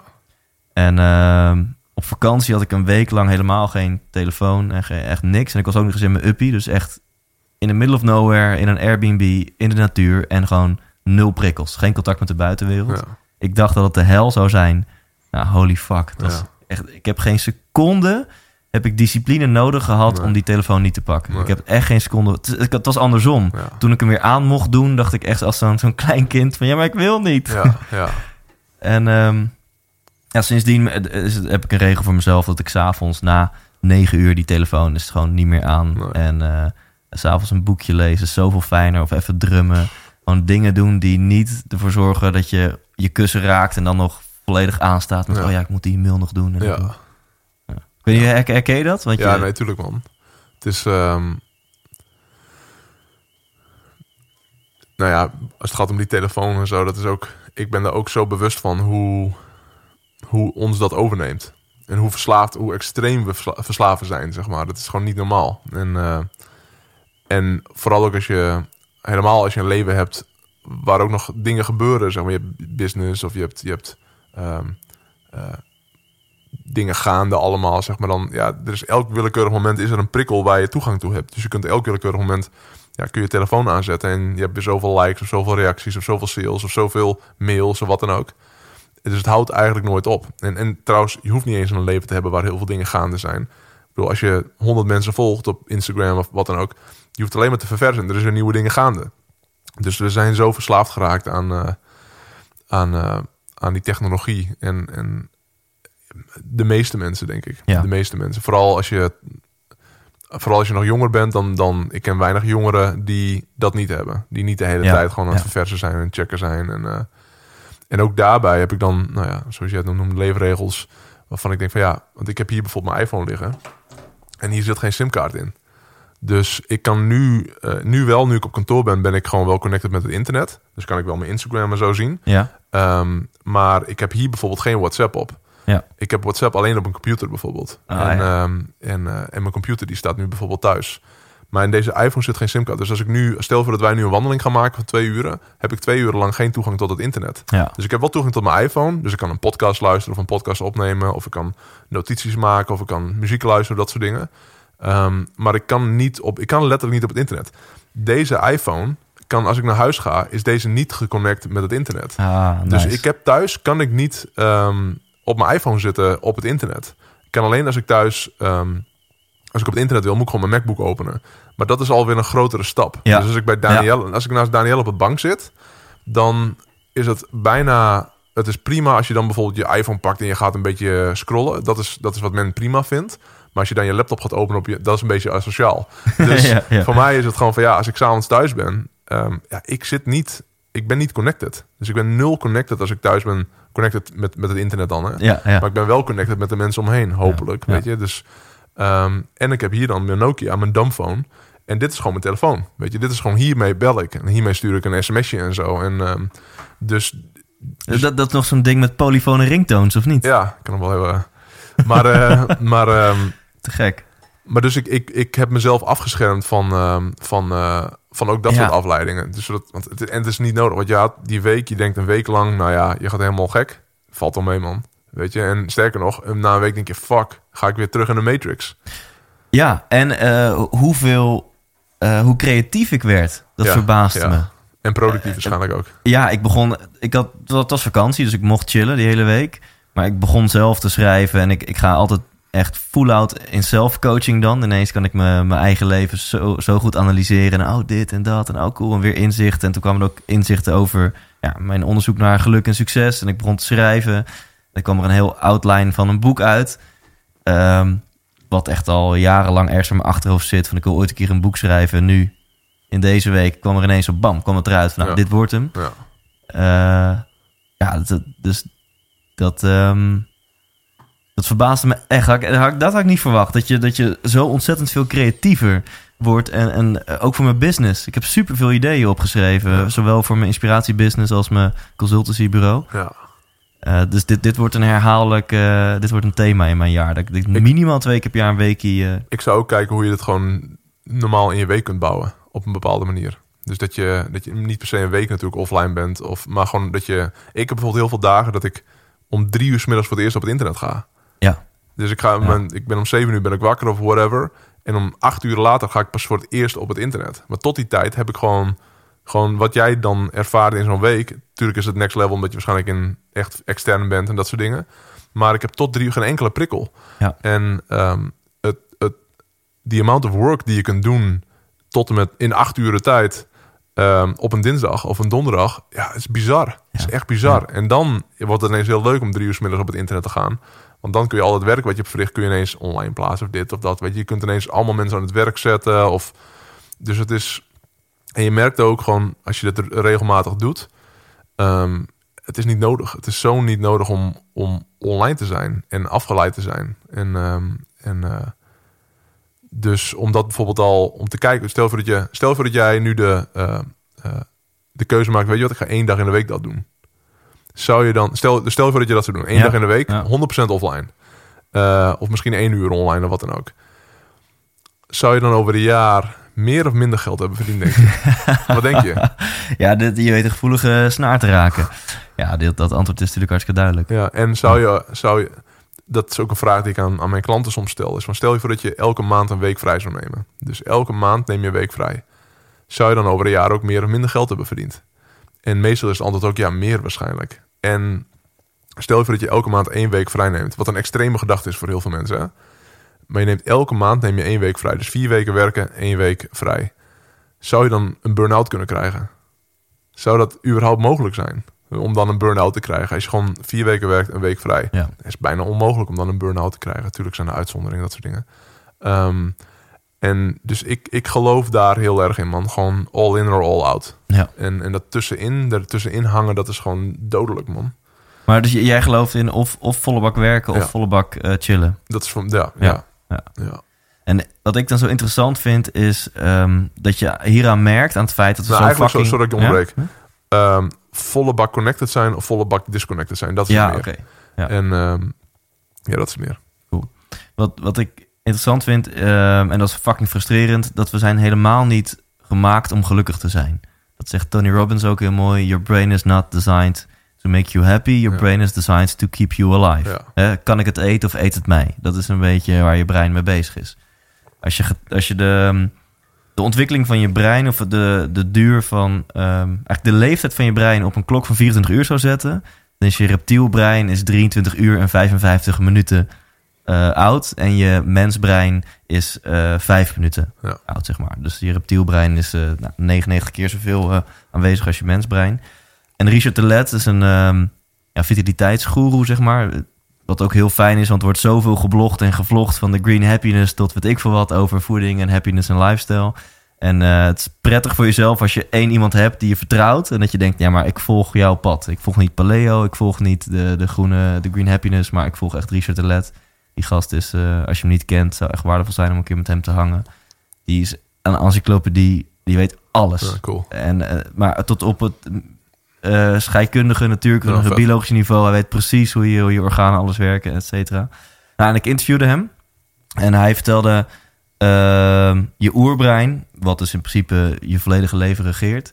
heeft drie voorkeuren. En dat maakt het ook heel moeilijk om gelukkig te zijn en om gezond te leven. Want een van de voorkeuren van je oerbrein is eh, zoet en zout. Eh, want dat eh, ja, zijn blijkbaar voedingsmiddelen die je nodig hebt om te overleven. Maar je oerbrein is ook heel lui. Dus je hebt gewoon een voorkeur voor luiheid. Als iets kan met minder energie, dat zit gewoon verankerd in je brein. En die derde, en die heeft dan te maken met social media. Je oerbrein is eh, gevoelig voor prikkels. Sterker nog, verslaafd aan prikkels. Mhm. Want prikkels, dat betekent dat bosje wat daar een beetje beweegt. Daar kan een sabeltandtijger achter zitten. Ja. Dus je denkt niet van, oh, daar beweegt iets. Oh, het zal wel niks zijn. Whatever, ja. Eh, en die verslaving voor prikkels, ja, dat zorgt ervoor dat we dit zo fucking sexy vinden, die Ja, telefoon. En ja. continu die dopamine. Ehm, nou, heel lang betoog. Maar ik, ik maak me best wel zorgen om, om, niet om mezelf, maar om, zeg maar, de- ja, om de wereld op dit gebied. Eh, Mhm. Ik denk dat het ontzettend wordt onderschat hoe desastreus het is dat eh, zoveel mensen geen enkele vorm meer hebben van me-time. Je staat vijf seconden in de rij bij de appie en je pakt die telefoon. Je hebt een date en die gaat naar het toilet. Oh, pak je twee minuten de telefoon. Je, je staat in de file, je pakt je telefoon. Gewoon, er is geen enkel moment meer dat er even rust is in je leven. Eh, en je, je hebt gewoon gratis dopamine. Ja. Terwijl ik denk juist in die momenten van rust... dat dat essentieel is om, eh, om dicht bij jezelf te blijven... Ja. en om op lange termijn gelukkig te zijn. Ja. Het zijn eigenlijk alle drie dingen die je zegt van eh, zoet en zout. Weet je, kijk hoeveel en hoe makkelijk het is. Nou, laat ik zeggen, kijk hoe moeilijk het is om niet daar verslaafd aan te zijn. Weet je, want hoe we allemaal eten en drinken, ja, dat is, we doen dat. Als je dat één keer neemt, als je één keer zoet en zout neemt, dan ben je direct verslaafd. Ja, Het is niet dat je dat af en toe even een keertje kunt doen of zo. De meeste mensen niet. tenminste. even één pringel. Ja, ja, ja, precies. precies. En, eh, en eh, dus, dus dat en door dat al te consumeren de hele dag, ben je al in een andere wereld. Zeg maar, ben je al niet meer echt in tune, zeg maar. Niet 100% in tune. Dan ben je nog 83% in tune misschien. En dan heb je inderdaad nou, een beetje de luiheid. Weet je, dat we allemaal verwachten dat het allemaal voor ons wordt gedaan. En dat we gaan klagen als het niet allemaal voor ons wordt gedaan. Bijvoorbeeld dat er iets niet wordt geregeld of dat een, eh ik veel. Dat is al een mega ding. Dus dat we super afhankelijk opstellen, zeg maar, van misschien de overheid of van je, Ja. je werk of wat dan ook. Nou ja, als je afhankelijk opstelt van zoiets, dan is het ook al lastig om echt 100% in tune te zijn en in control te zijn. Dus dan ben je, ben je nog 50%. En dan, eh, en dan die dopamine inderdaad, om, om de hele tijd, om al die prikkels. En ja, dan heb je nog 3% over om een beetje eh, ja, in tune met jezelf te zijn. Want er blijft er gewoon weinig over. Dat- ja. En ik denk, ik, ja, ik zou wel gunnen dat, dat meer mensen daar hun controle gewoon terugpakken. En gewoon zien van ja, weet je, ik doe het allemaal zelf. Ik stop dat vreet allemaal zelf in mijn mond. En eh, ik zit zelf de hele dag op die telefoon. En ik heb mezelf helemaal afhankelijk gemaakt van bepaalde dingen. Tuurlijk ben je afhankelijk van externe dingen. Ik ook, iedereen. Maar ehm, ja, als je gewoon die controle weer terugpakt. En dat is lastig. Vooral, want je moet altijd door een ontwenningsding heen, zeg maar. Als je slecht eet, als je structureel slecht eet, dan is het heel moeilijk om van de een op andere moment gewoon gezond te gaan eten. Ja. Want je lichaam zegt no, no, no, no, no. Ja. Geef mij maar weer die zoetigheid en die suiker en, eh, of hetzelfde, en, ehm, en die zout en carbs of whatever, weet je. En, ehm, en, en hetzelfde met, met, met afleiding. Als ik, als ik connected ben op het internet met mijn telefoon, ja, dan ben ik daar ook op. Ik, ik ben dan ook te weak om er niet naar te kijken, zeg maar. Dus het moet er gewoon weg. Het moet gewoon helemaal weg. En, en om, om, om dat soort dingen echt uit je leven te bannen bijna. Ja, dat, dat, dat, daar heb je wel... ehm, daar moet je wel sterk voor zijn. Ja. Om, eh, maar als je dat doet, dan wordt het ineens een stuk, stuk makkelijker. Ja, het gaat bijna tegen de menselijke psychologie in om eh, een patroon in je leven drastisch aan te passen zonder je omgeving aan te passen. Ja. Want je hebt, je hebt spiegelneuronen, je wil je aanpassen aan je omgeving, want dat wil je sociale brein, je wil erbij horen, want we leefden vroeger in tribes en als je niet bij de tribe hoorde, dan leefde je niet, zeg maar. Dus we willen erbij horen. Dus één hele simpele lifehack voor mensen die ook maar iets in hun leven willen veranderen. En of het nou is dat je minder ongezond wil leven, je wil meer sporten, of je wil een sales funnel op gaan zetten, of je wil een bedrijf starten, of whatever. Zorg ervoor dat je je omgeving kan aanpassen. En als dat een te grote opgave voor je is, zorg ervoor dat je één buddy kan vinden. Eén buddy die ook die sales funnel gaat opzetten, of ook een bedrijf gaat inschrijven, of die ook drie keer per week gaat sporten. Want dan al heb je, denk, en dit is niet eh, gebaseerd op enige wetenschappelijke kennis, maar ik denk dat dat echt de kans vertienvoudigt Ja. op slagen. Ja. En speaking of bodies, gewoon vriendschap. Is ook zo'n extreem belangrijk ding. Gewoon dat je gewoon kunt hangen met iemand. Ik, ik zeg ook altijd, je hebt, je, eigenlijk heb je maar één goede vriend nodig. Als je één goede vriend hebt, dan, dan, dan is je leven al zoveel makkelijker en beter en leuker. Ja. Of minder moeilijk. Maar als je geen enkele goede vriend hebt bijvoorbeeld, dan want dat is pittig man. Weet je, en er zijn natuurlijk mensen die gewoon eigenlijk... Ik vond, nou dat interview met Elon Musk, ik zag hem en ik, ik fascinerend gewoon. Ik denk dat ik een derde heb gezien of zo hoor. Mhm. Maar fascinerend. Maar ik zag in hem ook, fuck man, volgens mij is hij best wel eenzaam. En, ehm, en zijn er weinig mensen die hem echt begrijpen. Weet je, die echt hem... Ja. Want hij, ja, het is gewoon... Het is een mega outlier, is hij gewoon. Ja, ja. En ook al, ook al aanbidt de helft van de wereld hem, ja, kan super eenzaam zijn. En als je, eh, als je een beetje anders bent dan anders, en ik bedoel, hij is een next level anders dan anders dan ik of jij, of jij of ik. Ehm, maar ik denk dat jij dat ook wel, ik weet niet hoor, dat is aanname, maar ik denk dat jij af en toe ook wel denkt van ja, ben ik, ben ik, ik, ik ben anders. Ja. Het voelt, kan soms wel eenzaam voelen, toch of niet? Absoluut. Ja. En, ehm, maar dat je één persoon hebt die dat begrijpt. Ja. Dat is al magic. Ja. Die één, één persoon denkt, ja Thijs, je bent een beetje gek. Je doet een beetje raar af en toe. Maar man, ik hou daarvan man. Ja, Want ja. dat is jouw gift. Dat is gewoon, en als, als, als je dat hebt, oké, dan voel je dan, dat, dat hebben we gewoon nodig. We hebben gewoon nodig Ja, want dat is eh, eigenlijk een soort van onvoorwaardelijke liefde. Ja. Om het heel cliché te zeggen dat je één iemand hebt waarbij je helemaal jezelf kan zijn. En waarbij je je ego kan ontspannen. En je lichaam dus ook kan ontspannen. Want je weet gewoon, ik ben goed genoeg. Ja, weet je wel, ja. diegene. En over dat interview trouwens. Ik, ik heb natuurlijk al wat meer over Elon Musk wel eens gezien en gelezen en zo. En eh, ik vind het een hele fascinerende gast. En ja, volgens mij is hij gewoon een maniak. In de positieve en negatieve zin 100% ja. van het woord. Die, die gast heeft op zijn minst eh, Asperger en is denk ik wel gewoon autistisch. Ook als je, denk ik dan, als je kijkt hoe die antwoord geeft op die vragen. Een robot. Ja, echt een Ja, robot. Dus ja. dan, zijn brein werkt volgens mij zo exact. Ja. Ja, ja echt zoals, een beetje zoals bij autisten. En dat ken ik omdat ik daar zelf volgens mij ook al eh, wat, wat eigenschappen van heb. Dat hij gewoon, dan gaat hij naar dat, dat gebiedje in zijn brein waar het antwoord op die vraag is. En dat antwoord kan gewoon zijn ja of eh, weet ik veel wat. En dan antwoordt hij in drie woorden of, of één zin of Ja. één woord. En dan zat Joe Rogan ook van, Eh, hallo. oké, weet je wel, eh, je mag me wel iets meer geven. Ja. Maar dat is dan in zijn hoofd van, ja, maar je vraagt toch dit, dus dan geef ik Ja. toch gewoon precies het exacte antwoord wat daarbij hoort. Ja. Ja, man. Ook Maar wel dat, interessant. ja, maar dat is, wat, dat is wat ik zag, man. Ik denk, damn. Ik kan me voorstellen dat dat, dat, dat ook gewoon... Als je op dat level zit... Ja, het zijn, ja kan, kan ook gewoon eenzaam zijn. Ja. En ehm, Ja, ik denk, ik heb ook best wel veel eh, topsporters geïnterviewd. En dat is denk ik wel te vergelijken. Ja. Eh, je moet ook gewoon een beetje gek zijn om topsporter te zijn. Want je moet zoveel. No way dat je één keer per maand naar je mama gaat. En Ja. eh, twee keer per jaar naar je zus of whatever. Als, je, als je topsporter bent, dan gaat alles wijkt ervoor. Ja. En Michael Bogert, nou, die ken je wel. Natuurlijk heel lang een die heb je ook Nederlands. gehad, of niet? Ja, Ja, tof. en ik vroeg aan hem, eh, want hij vertelde over zijn trainingsschema. En eh, eh, hoe, hoe, hij zei: Mijn trainingsschema, dat ging zo ver dat ik bij, ehm, eh, als hij een rustdag had, dan moest je rusten. En op een rustdag ga je dus gewoon geen calorie verbranden met je benen, want die moeten rusten. Dus dan lag hij op de bank en al viel er post in de, op de deurmat. Dan ging hij niet, liep hij niet naar de deur toe om de post te pakken, Ja. want vandaag is een rustdag. En toen vroeg ik ook aan hem, maar was je dan gelukkig in die periode? En toen was zijn antwoord vond ik fascinerend. En hij zei, geluk was helemaal geen relevante variabele. Nee. Het enige, de enige relevante variabele in mijn leven was om de beste wielrenner ter wereld te Ja, worden. ja. En ehm, eh, Pieter van de Hogeband, die zei dat hij in zijn periode als topsporter bij alles wat hij deed, stelde hij zichzelf de vraag, ga ik hiervan sneller zwemmen, ja of nee? ja. Dus, hey Pieter, ga je mee met kerst, weet je wel? Ja. Oeh, laat ik even kijken. Nope. Nee, ik denk niet dat ik daarvan sneller ga zwemmen, weet je wel. Dus eh, laat staan, Pieter wil je de kids van school halen of Ja. whatever. Dus dat, dat maakt je niet de leukste eh, zoon, eh, partner, vader, et cetera. Ja. Ja. je hebt wel dan twee keer goud op het koningsnummer. Ja. Eh, en ik denk dat dit ook voor... en, en verder is Pieter trouwens echt een van de meest inspirerende en vrolijke gasten die ik heb geïnterviewd. Ja. Die, eh, die heeft het echt goed voor elkaar. Ja. Ehm, eh, maar ik denk dat dit ook voor Elon geldt. Gelukkig zijn is denk ik geen relevante Nee. variabele in zijn nee, leven. Nee, nee. En ik vind het mooi, man. Als ik zo'n verhaal hoor over een Pieter of een eh, eh, Michael, Ja. dan denk ik, ja, ik vind het mooi. Ja, ja, precies. Alleen dat moet je niet je leven lang volhouden. Maar als je inderdaad in die periode zit, denk ik, ja, dat is toch vet, man. Dat je gewoon een paar jaar van je leven gewoon geeft voor een ding. En natuurlijk hopende dat niet te veel dingen kapot gaan.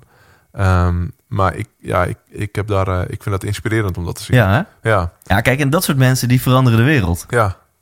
ja. En dat, eh, ja, ook dat inderdaad. Maar gewoon alleen, ja, dat je gewoon dat je zo gepassioneerd bent over een ding waarbij, Ja. waar, waar, waar- waarvan je ja, gewoon bereid bent om gewoon echt veel sacrifices te Ja. maken. En ik vind dat gewoon mooi. Ja. En, en ja, dat, dat is inspirerend. En eh, ja, dat is gewoon cool. Ik, ik heb het een heel klein beetje gekend toen ik eh, leerde drummen. Ik- op mijn zeventiende of zo, dus relatief laat, begon ik met drummen. Maar er ging wel een knopje om en ik, ik zou en moest elke dag twee à drie uur drummen. Ja, Maar dat is best wel wat. Ik heb het bijna vijf jaar volgehouden. Eh, om in een periode waarin je feestjes wil pakken en eh, je vrienden elke avond met je naar de bios willen, of skateboarden of hangen of jointjes roken. En ik had ook nog eens eh, na mijn school, of ja, dan daarvoor nog, toen ik nog op de middelbare school zat, had ik mijn krantenwijkje elke middag naar school. En toch eh, zou en moest ik elke dag die paar uur drummen. Thuis mocht het niet, want mijn buren hadden daar, ja, het mocht dan een half uur, hadden mijn buren er last van. Dus moest ik ook nog eens op mijn fietsje eh, vijf kilometer verderop naar de, de, de popschool fietsen in Amersfoort. Moest ik mijn drumstel uit een kast halen die ik er huurde, opbouwen. En dan kon ik twee uur drummen en dan mijn drumstel weer afbouwen en in die kast plaatsen. en je terug het allemaal met een grote glimlach op je gezicht. Ja, ja. Ja. als ik dan terugdenk, dan Ja. word ik helemaal happy weer. Ja. van, ja. En dat is gewoon hoe het is, man. Dus we willen vaak... Ik had gisteren op, in, op mijn Instagram gezegd van... Hoop niet dat het makkelijker wordt, maar weet je, ga ervoor om sterker te worden. En in zo'n... Weet je, het is niet makkelijk om inderdaad twee uur te fietsen... of weet ik veel hoe lang te fietsen... en de drumstel eruit te halen. En dan, dat is allemaal moeilijk, allemaal lastig. Maar whatever, man. Ja. Ik doe het. En, eh, en daardoor word je sterk. En al die dingen die je toen hebt gedaan... Hoe lang is dat geleden? Ja, ik ben nu 30, dus dit is eh, er rond de 12 jaar geleden dat ik zo Ja, leefde. maar dat heeft ervoor gezorgd dat, dat je nu staat waar je nu staat. Ja. Weet je, en dat, dat vind ik ook het toffe aan, ehm, aan, ook aan ouder worden. Dat je dingen doet die, eh, waarvan je nu misschien denkt, ja, heeft het wel zin? Maar dat zijn, het zijn allemaal bouwstenen voor hetgeen wat je uiteindelijk gaat doen. Nou, en wat ik dan wel interessant vind, ehm, daaraan kun je dus wel zien dat ik heel veel drive heb. Eh, want ik had toen nog nooit een boek gelezen over succes of wat dan ook. Eh dus gewoon puur vanuit mezelf vond ik het logisch om, om zo hard ergens voor te gaan. En wat ik dan een hele interessante vraag vind, ik ben benieuwd hoe jij daarover denkt. Ehm, zijn wij niet gewoon mazzel pikken dat wij eh, die genetische eigenschappen hebben? Dat wij blijkbaar van nature een bovengemiddeld portie drive hebben. En dan kunnen we heel makkelijk tegen anderen zeggen van... eh, ja, je, kan dezelfde resultaten bereiken als die wij bereiken in je leven... want je moet gewoon in actie komen en de beuk erin en knallen met die ballen.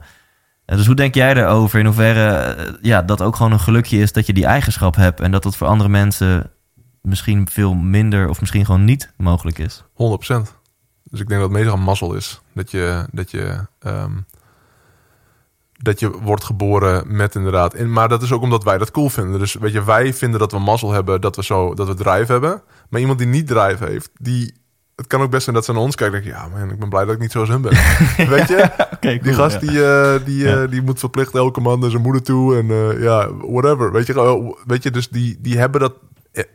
Ik noem weer dat hele Eiburg verhaal. Ik vind Eiburg altijd zo'n mooi voorbeeld van... van ja, van gezinnen en, en regelmaat en de boel goed voor elkaar en dat soort dingen. En ik zie mijzelf niet zo, zeg maar. Mhm. En, en ehm, ehm, maar ik denk dat heel veel van die lui misschien zouden denken van... Ja, ik ben blij dat ik dat niet heb, man. Ik ben blij dat ik gewoon mijn 9-to-5 job heb en, eh, en gewoon lekker relaxed ben. En niet, juist niet die ambitie Ja. allemaal heb om... ehm, dus ik vind...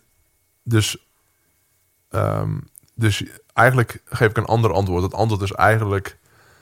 Ik denk wel dat je geboren wordt met die drijf. Dus, en ik denk trouwens ook dat heel veel eh, mannen en ook vrouwen, maar eh, dat ook weer onderdrukken. Dus, dus dat ook, ook juist die 9-to-5 mensen ook uit stiekem wel willen van, oh fuck, ik wil ook gewoon gaan, man. Ik wil ook gewoon op jacht gaan. Ja, En, ehm, en, maar dat ze dat onderdrukken en dat ze doordat ze dat doen, dat ze misschien ook in het weekend te veel gaan zuipen of weet ik veel andere spannende dingen doen die ze eigenlijk niet zouden moeten doen of wat dan ook. Ehm, maar je moet wel, ja, ik vind wel dat, dat, dat we mazzel hebben met een, met, eh, met hoe, weet je, je hebt natuurlijk nature en je hebt nurture. ja, En daar denk ik wel vaak over na. Van wat is nou, wat is nou belangrijker? Of wat heeft meer, wat, wat ehm, weegt zwaarder? Ik denk dat nature zwaarder weegt dan nurture. Ja. En natuurlijk op nurture heb je heel veel invloed. Dus, dus eh, maar uiteindelijk gaat, ja, is je nature. Weet je, je hebt, je hebt, er zijn zoveel verhalen van de ene persoon die heeft dit meegemaakt en een andere persoon heeft een vergelijkbaar ding meegemaakt. En de ene persoon die gaat er compleet aan onderdoor en een andere persoon Ja. die gebruikt dat als, vloei, als, als brandstof om, eh, om eh, of bijna als bouwsteen, zeg maar. En, en dan is het heel makkelijk om te zeggen, ja, maar ja, die ene persoon moet... Nee, die zit gewoon anders in elkaar. En je had het eerder over depressie en zo. En het gaat niet zozeer om met... Het gaat er niet zozeer om, vind ik, wat je overkomt of wat dan ook. Het gaat erom hoe je je bij voelt. Dus als je bijvoorbeeld depressief bent, of je hebt depressieve gevoelens, dan gaan mensen bijvoorbeeld vragen: ja, maar hoe kan dat dan? En dan ga je een verklaring geven. Nou, dat is me overkomen, dat is me overkomen, en dat is me overkomen. En, maar dat dekt meestal niet de lading. Dat, zorgt, dat zijn waarschijnlijk niet de dingen waarom iemand depressief is. Het is gewoon het gevoel wat ze erbij krijgen. ja, Weet je, het kan letterlijk een heel klein dingetje zijn wat, wat, je, wat een depressief gevoel bij je triggert. En dat je daardoor gewoon die hele dag naar de tering bent, bijvoorbeeld. ja. En dus het gaat niet zozeer om. Natuurlijk ga- gaat het om. Is belangrijk wat, wat je overkomt. Eh, maar het gaat ook voor een heel groot gedeelte erover. van hoe je je daarbij voelt. en wat je emoties daarbij zijn. En natuurlijk ook hoe je hem omgaat en zo. Ehm, maar ik denk wel dat je. Dus om terug te komen op je vraag. Ik denk dat. ehm, dat, dat het voor een heel groot gedeelte a- ehm, Ja. eh, aangeboren is. om wel of niet een bepaalde drive te hebben. En ik hoor heel vaak, en ik bedoel, jij hebt duizend mensen geïnterviewd en zo, dus jij, jij, jij hebt veel meer van dat soort gesprekken gevoerd. Dus je hebt er mogelijk veel meer kennis over. Ehm, maar ik hoor heel vaak mensen die zeggen, ja, toen en toen, toen ik jong was, is dat me overkomen en daardoor heb ik deze drive. En meestal als ik dat hoor, denk ik, nou, ik denk niet dat het zo is. Ik denk dat je theorie is, en dat ook een, een goede theorie is, fantastisch. Maar ik denk als dat je niet was overkomen, dat je nog steeds zo gedreven was Ja. geweest. En, eh, want het zit gewoon in je. Dat zit Ja. gewoon in je. En, ehm, en dat is, in mijn beleving is dat nature en een, een stuk minder nurture. Zo van die drive die zat in je. Ja. En dat event heeft ervoor gezorgd dat het zeg maar is gaan, eh, Ja. eh, gaan vlammen. Ja, Eh, en anders was er wel een ander event geweest. that's it man. Die de ignition was Ja. voor... Ja. Ja. En dat, ehm, ja. Hey, en hoe is je misschien een hele persoonlijke vraag, maar hoe, ik bedoel, ongetwijfeld voel je wel eens depressief. Dat heeft ieder, we voelen ons allemaal wel eens kut, zeg maar. Ja. Eh, de- heb je ook wel eens misschien dat, dat voor, voor langere periodes gehad? Of, of wat dipjes gehad? En hoe ben je daarmee omgegaan? Ehm, ja, en ik denk dat... eh, nee, ja, zeker. En ik heb, ehm, ik, heb een, ik heb echt een periode gehad van iets van twee jaar of zo... dat ik dacht van, fuck man. Ik weet het niet, man. Ik ben gewoon niet zo blij. Ja. En dat je gewoon elke ochtend gewoon zwaar wakker wordt. Dat je Ja. gewoon met een zwaar hoofd wakker wordt. En dat je... ehm, of niet elke dag hoor, maar veel dagen gewoon zwaar wakker wordt. En, ehm, en dat... Nou ja, hoe ik daarmee ben omgegaan, zeg maar. Ik heb een periode gehad van wat ik zei. Want ik denk terugkijkende op iets van twee jaar. Dat ik denk van ja, het, was gewoon niet lekker. Of misschien een jaar, anderhalf jaar of zo. En het was omdat ik dingen niet had opgelost. Dus er waren dingen in mijn leven die niet waren opgelost. Open eindjes. Die ik niet durfde te confronteren. En ehm, wat me in mijn systeem is blijven zitten. En ehm, waardoor je gewoon, ja, gewoon, gewoon half bent de hele tijd. En achteraf kan ik het allemaal zien. Hè? Want toen ik er middenin zat, zag ik het niet echt of zo. Weet je, als ik nu kijk van hoe ik er nu bij zit... en hoe ik me voel en alles ten opzichte van die periode... denk ik van, damn man, het ging echt niet goed met je. Maar toen je, als je er middenin zit... Ja. Ja. je zit in een overlevingsstand. Ja. En ehm, dus ik had een aantal verkeerde commitments gemaakt. En daar zat ik middenin. Dus dat, dat was een periode van... oké, eerst moet dit afgerond zijn en dan moet dat. Weet je, dus dan denk je van... oké, het, is- het is gewoon de fase waar ik in zit... waarom ik me nu zo ruk voelt, voel. En ehm, het, zal een, het zal een combinatie zijn van honderd factoren, hoor. Dus ik ook ga een theorie opbedenken... van waarom ik me toen zo slecht voelde. En ik denk dat ik een goed idee erover heb. Eh, maar er is dus verkeerde commitments gemaakt... waardoor je gewoon een beetje vastzit... Ehm, dingen niet opgelost... Ehm, en dan met name ook fouten die je zelf hebt gemaakt. En niet ehm, onder ogen durfde te zien dat jij degene was die die fout heeft gemaakt.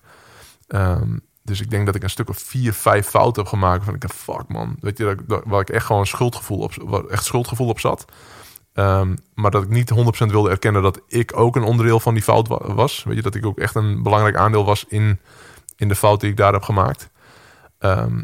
En als je dat niet doet, als je niet je controle neemt over fouten die zijn gemaakt in, in een bepaalde periode bijvoorbeeld, dan, eh, dan ben je ook slachtoffer. Dus dan denk je, dit is me overkomen. En, en het zijn altijd relationele dingen natuurlijk. Dus ik had een aantal zakelijke relaties waar het, waar het ehm, fout was gegaan, waar ik, me, waar ik me genaaid voelde bijvoorbeeld, of benadeeld voelde, wat dan ook. En, eh, maar niet mezelf dusdanig kon confronteren en zien van ja, maar kerel, jij hebt ook een aantal dingen gedaan waarvan zij misschien ook Hmm. zo erin hebben gestaan. Het moment dat ik kan me nog precies herinneren, het moment dat ik en dit was voor mij zo'n waardevol moment eh, in mijn leven geweest, ook en ook in mijn teachings, dat ik ik kreeg een bijna een, een awakening op een ochtend. Ik zat in mijn, in mijn toenmalige mancave. Ik zat gewoon in rust. Ik had ook gewoon mijn laptop niet. Ik was gewoon aan het schrijven. En toen dacht ik ineens van fuck. En toen had ik ineens vier... vier eh, eh, ik, ik, had, ik haalde voor me die vier conflicten eigenlijk, zeg maar. Wat me had geraakt en zo.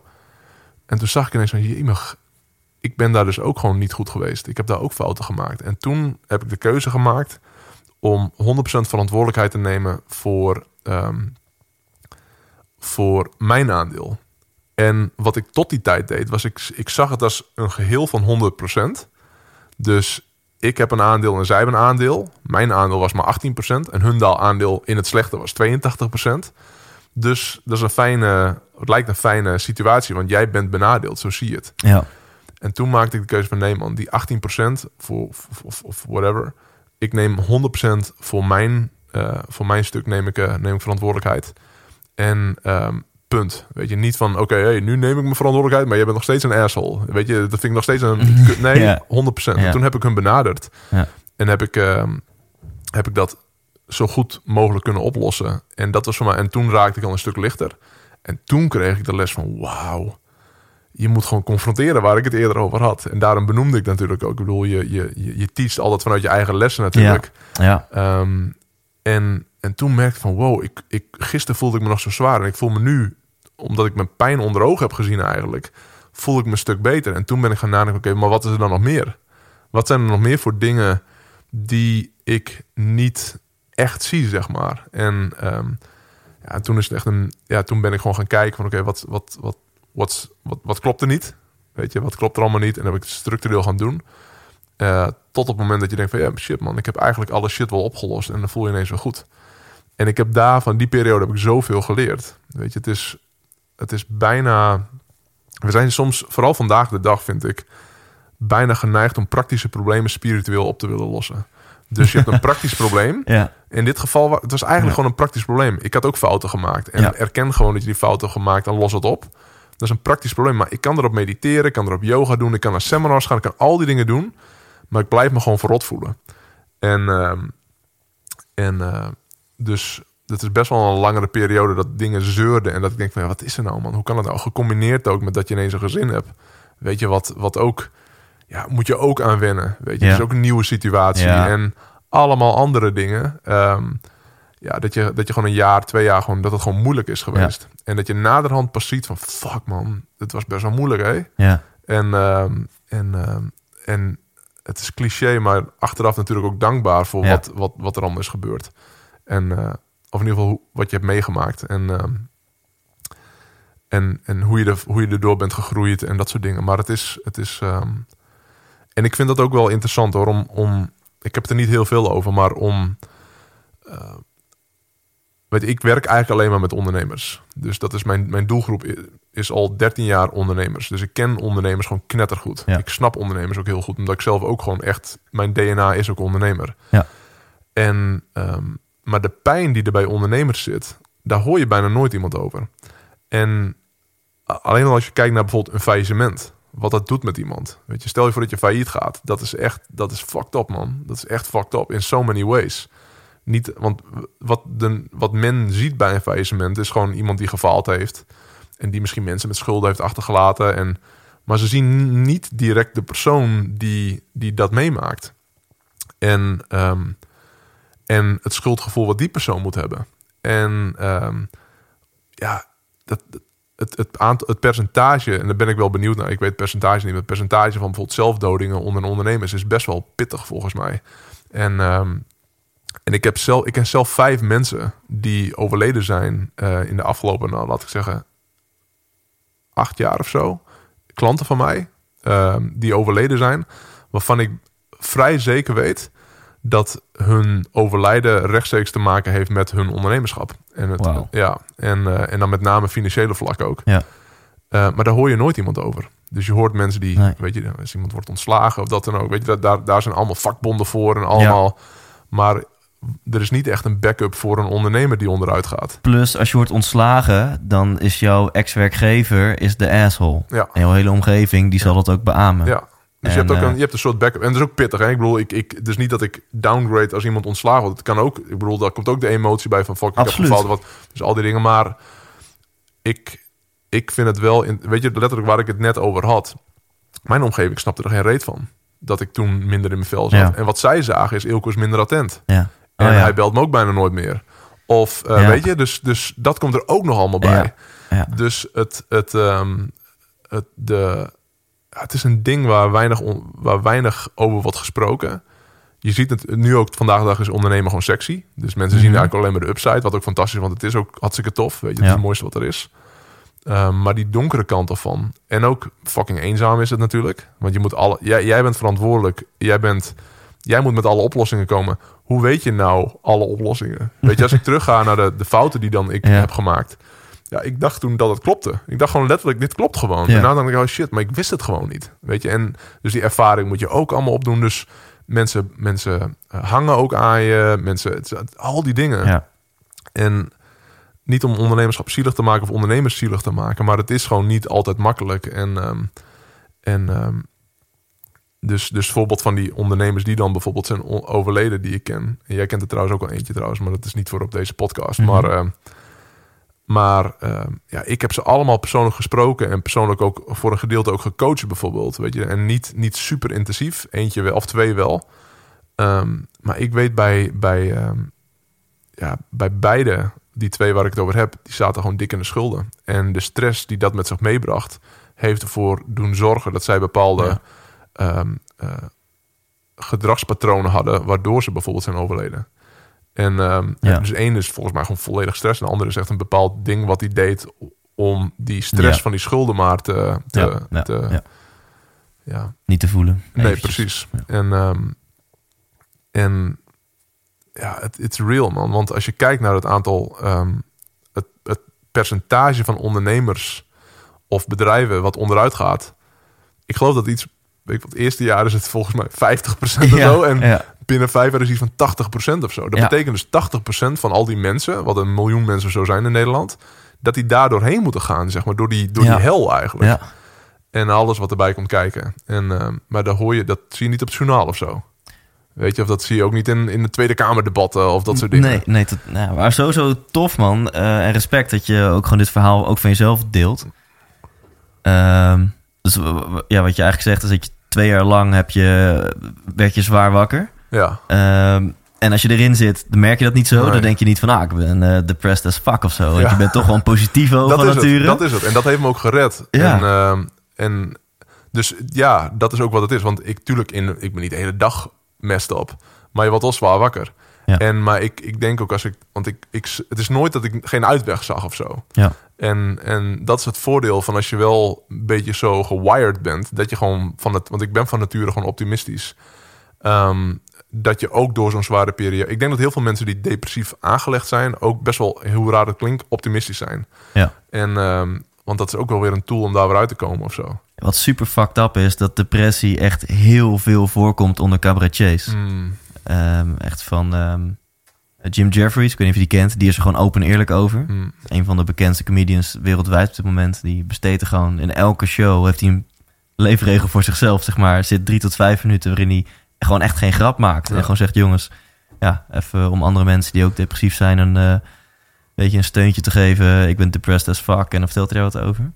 En ik, ja, zonder dan namen te noemen, ik ken ook al wat Nederlandse comedians... eh, eh, ja, die gewoon echt niet, niet zo happy zijn. Dus dat is best wel, best wel weird.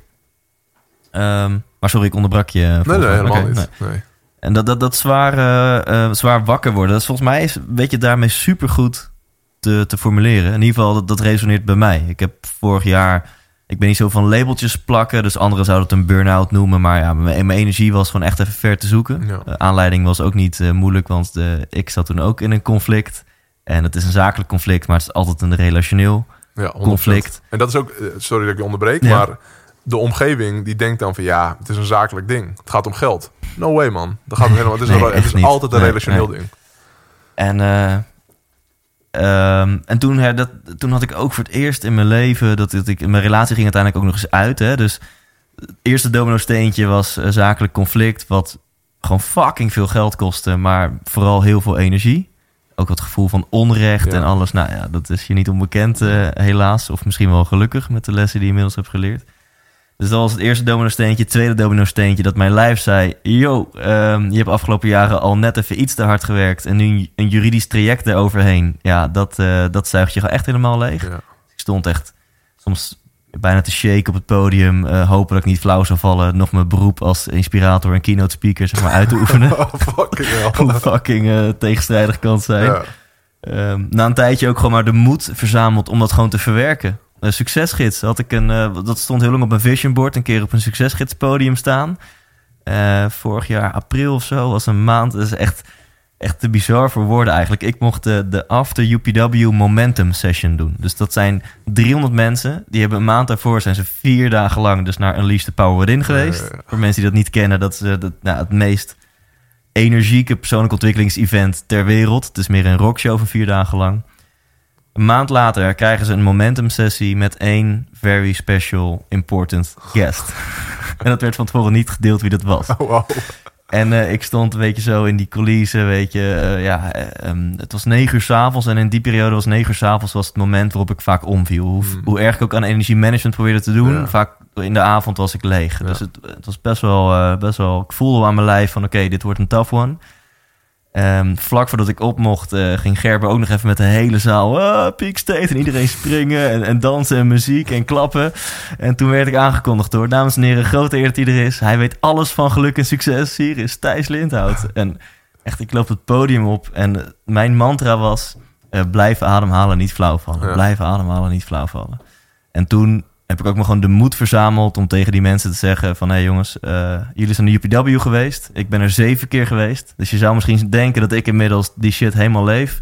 Maar op dit moment zit ik echt in een hele zware periode. En ik denk dat het wel een burn-out is. Poef, weet je wel, die hele zaal helemaal stil. Maar ik ga jullie wel vertellen wat eh, lessons learned zijn uit mijn leven. En eh, hoe je een kick-ass leven kan leiden. En hopelijk niet de fouten gaat maken die ik wel heb gemaakt. En toen heb ik het nog redelijk overleefd. Ehm, maar waar, ja, in die periode merkte ik dus echt... Oh ja, en het derde domino-steentje was dan dat mijn meisje zei van... eh, hey, joe, ik ga er ook eh, vandoor. Ehm, wat achteraf gezien ook gewoon een hele goede keuze is Mhm. geweest. Want dat, ja, we, we gingen niet gelukkig samen oud worden, kan ik je vertellen. Ja, en dat zwaar wakker worden herken ik dan ook wel van die periode. En dat, dan kom je ook in een soort van identiteitscrisis van... Maar ik dacht dat ik, ik dacht dat ik een blij ei was. Ja. En eh, eh, heb ik iets fout gedaan? Ja. Heb ik iets over het hoofd gezien? Ik, Ja. ik ken ook alle succeswetten. Eh, ga je echt zo ja. de sheets erbij pakken als het ware? Van, joh, waar... eh, op die je gaat redden. En ehm, ja, dus ik weet eigenlijk niet waar ik naartoe wil, maar dat resoneerde hoe, bij mij. hoe, dat- ehm, hoe ben je eruit gekomen?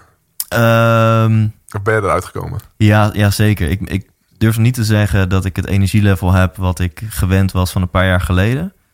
Eh, dus ik merk nog wel dat, dat ik een beetje gebruiksaanwijzing heb. Als ik gewoon volle bak ja zeg op alle feestjes en door de week druk ben, in het weekend druk ben. Dan binnen twee weken voel ik echt weer zo'n soort van overprikkeld gevoel in mijn lijf. Ja. Ehm, maar ook dat zie ik echt als een positivo. Dat zie ik veel meer als een zegen dan als een vloek. ja. Want eh, het is misschien ergens wel fijn dat ik een heel eerlijk lichaam heb. En dat mijn lichaam me verplicht om rustmomenten in te Ja. bouwen. En om niet als een wacko alleen maar te gaan. Ja. En natuurlijk is het soms ook wel eens fucking frustrerend. Ja. Ehm, eh, hoe ik daar ben uitgekomen, goede vraag. Ik, ik ben een onwijze analist, zeg maar. Dus, dus dat zei mijn coach Albert Sonneveld. Hij is trouwens een belangrijke element in hoe ik eruit ben gekomen ook. Eh, die zei, Thijs, jij, jij, jij kan pas verder met het leven als je dingen begrijpt. Dus ik wil alles over analyseren. En wat ik in drie maanden coaching met hem heb geleerd... ja, dat was nog veel meer dan vijf jaar aan seminars Ja, daarvoor. Want ik ben achtergekomen dat de, de waarde van een seminar... reikt tot zover jouw zelfreflecterend vermogen gaat. Mhm. Dus afhankelijk van hoe goed jij kan spiegelen en kan reflecteren, ja, afhankelijk daarvan is dat seminar waardevol. Nou, en je, je kent Albert Zonneveld, Ja, ja, ja. die natuurlijk ken je hem. Ja. Ja. Ja. die gast die kijkt gewoon recht door je ziel heen. Ja. en Heel die, irritant. dus die wist meteen gewoon heel snel al linkjes te leggen met Ja. vroeger van, oh, want je, mijn ouders hadden heel vaak ruzie en vaak gezeik. En oh, maar toen ging je uit contact. Dus je overlevingsstrategie is uit contact gaan. En, de, en ehm, dus zoveel dingen werden me toen duidelijk. En uiteindelijk is ook bij mij weer was eh, het grootste inzicht dat ik niet trouw was geweest aan mezelf. Mhm. Want als ik echt trouw was geweest aan mezelf, had ik al een jaar eerder een pittig gesprek moeten voeren met mijn toenmalige vriendin. Ja. En een pittig gesprek met mijn toenmalige compagnon. Ja. En beide gesprekken had ik gewoon kunnen inleiden Ja. als in... ik scheid alle kleuren, ik vind het fucking eng... Ja. maar dingen voelen niet goed en we moeten het erover hebben. En ik ben echt doodsbang dat dit gesprek gaat leiden naar een mogelijke exit... maar we moeten het bespreken. ja. Nee, maar dat is, dit is... Wat je nu zegt is truth. Ja. En, eh, en ik denk dat letterlijk heel veel burn-outs of depressies of dat soort shit gewoon echt gewoon voorkomen kan worden door een goed gesprek te voeren. En bij mij hetzelfde. Als ik terugga, dan, dan was ik vier of vijf of zes gesprekken verwijderd van al die shit. Zeg maar dat ik, Ja. of om, om het te voorkomen, zeg ja. maar. ja. En, ehm, en, maar op zo'n moment is het gewoon even makkelijker om het niet te doen. Weet je, op dat moment is het even makkelijker om niet dat gesprek te voeren, want je bent druk met dit of dat. En, eh, en daarom is dus die ene les van mij om tien, minuten 's ochtends zitten, welke wat klopt er niet. En dan vervolgens daar actie op te verrichten. En Ja. ik denk, damn man, dat, als, je dat, als je dat doet, dan hoef je geen, eigenlijk geen zorgen meer te maken, want je bent altijd gewoon alert op dat soort dingen. En dus ik, ja, het is bijzonder.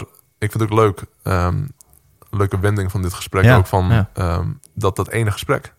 Weet je, het ene gesprek kan ervoor zorgen dat, ja, dat het leven gewoon een stuk makkelijker gaat worden. Of, ehm, maar als je hem niet voert, ja, dan, wordt het, dan kan het lastig worden. En, eh, en flink lastig worden. En soms kun je een jaar, twee jaar uit de relatie zijn of zo. Als je niet. eh, Ja.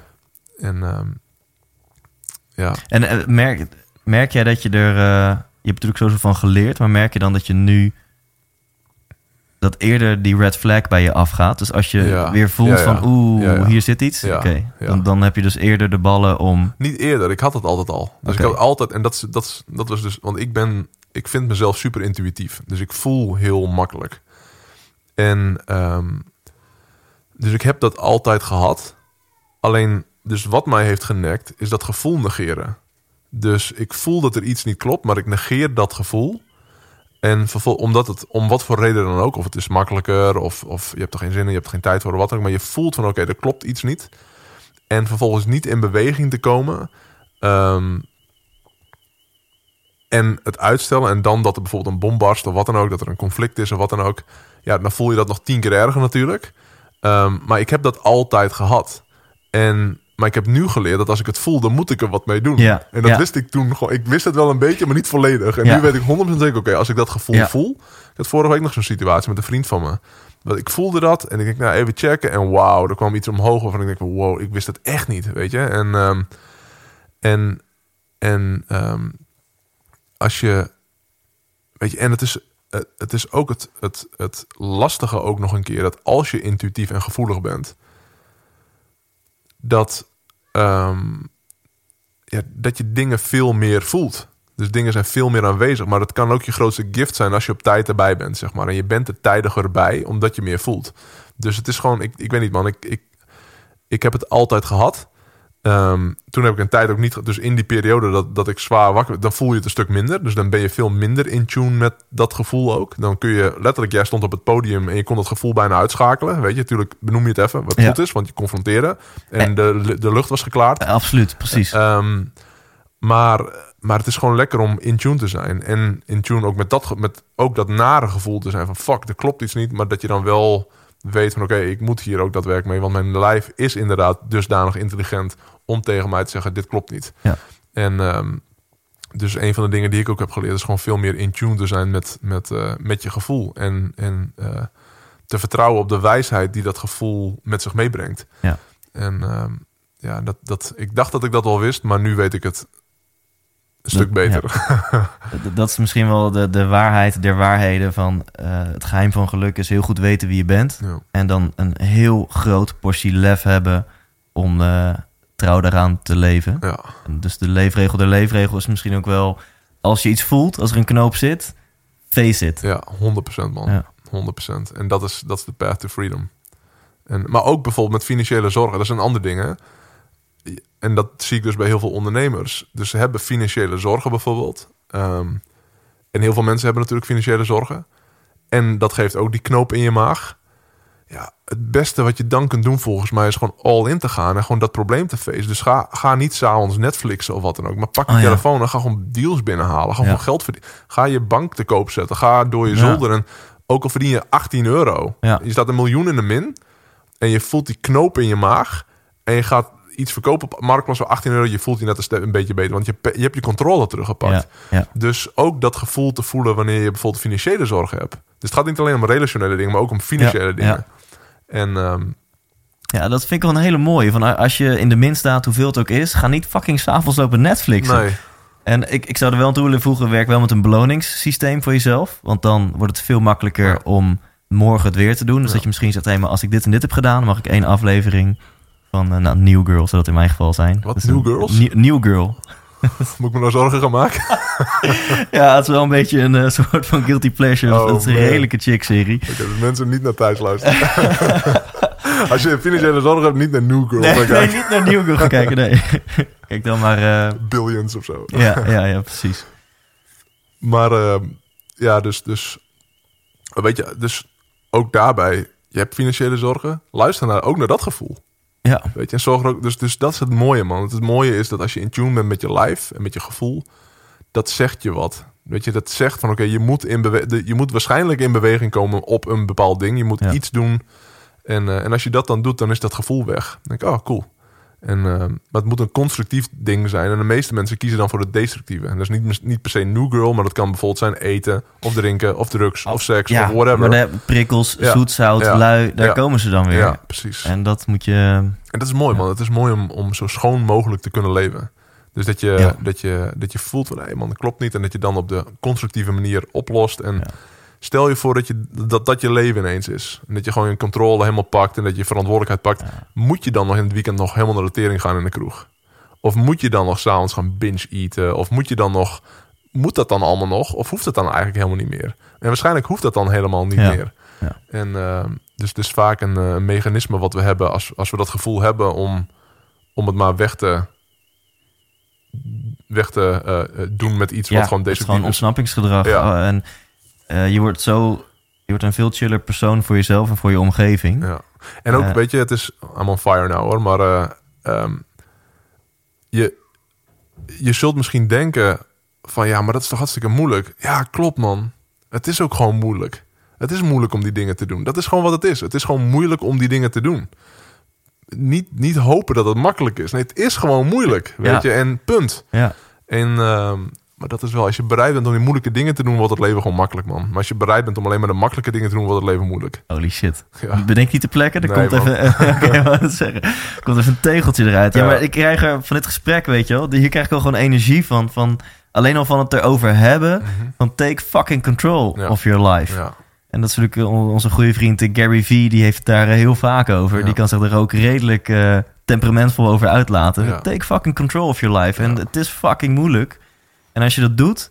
En het, je ziet de resultaten daarvan. Daarna voel je top of the fucking world. Dan Ja. wil je het van de daken schreeuwen. ja. En, en, en, en het betekent niet dat je de hele dag met je borst naar voren moet rondlopen en dat je gewoon helemaal opgepompt. Nee, dat kan ook zijn dat je gewoon fucked up bent. Ja. Dat je gewoon echt.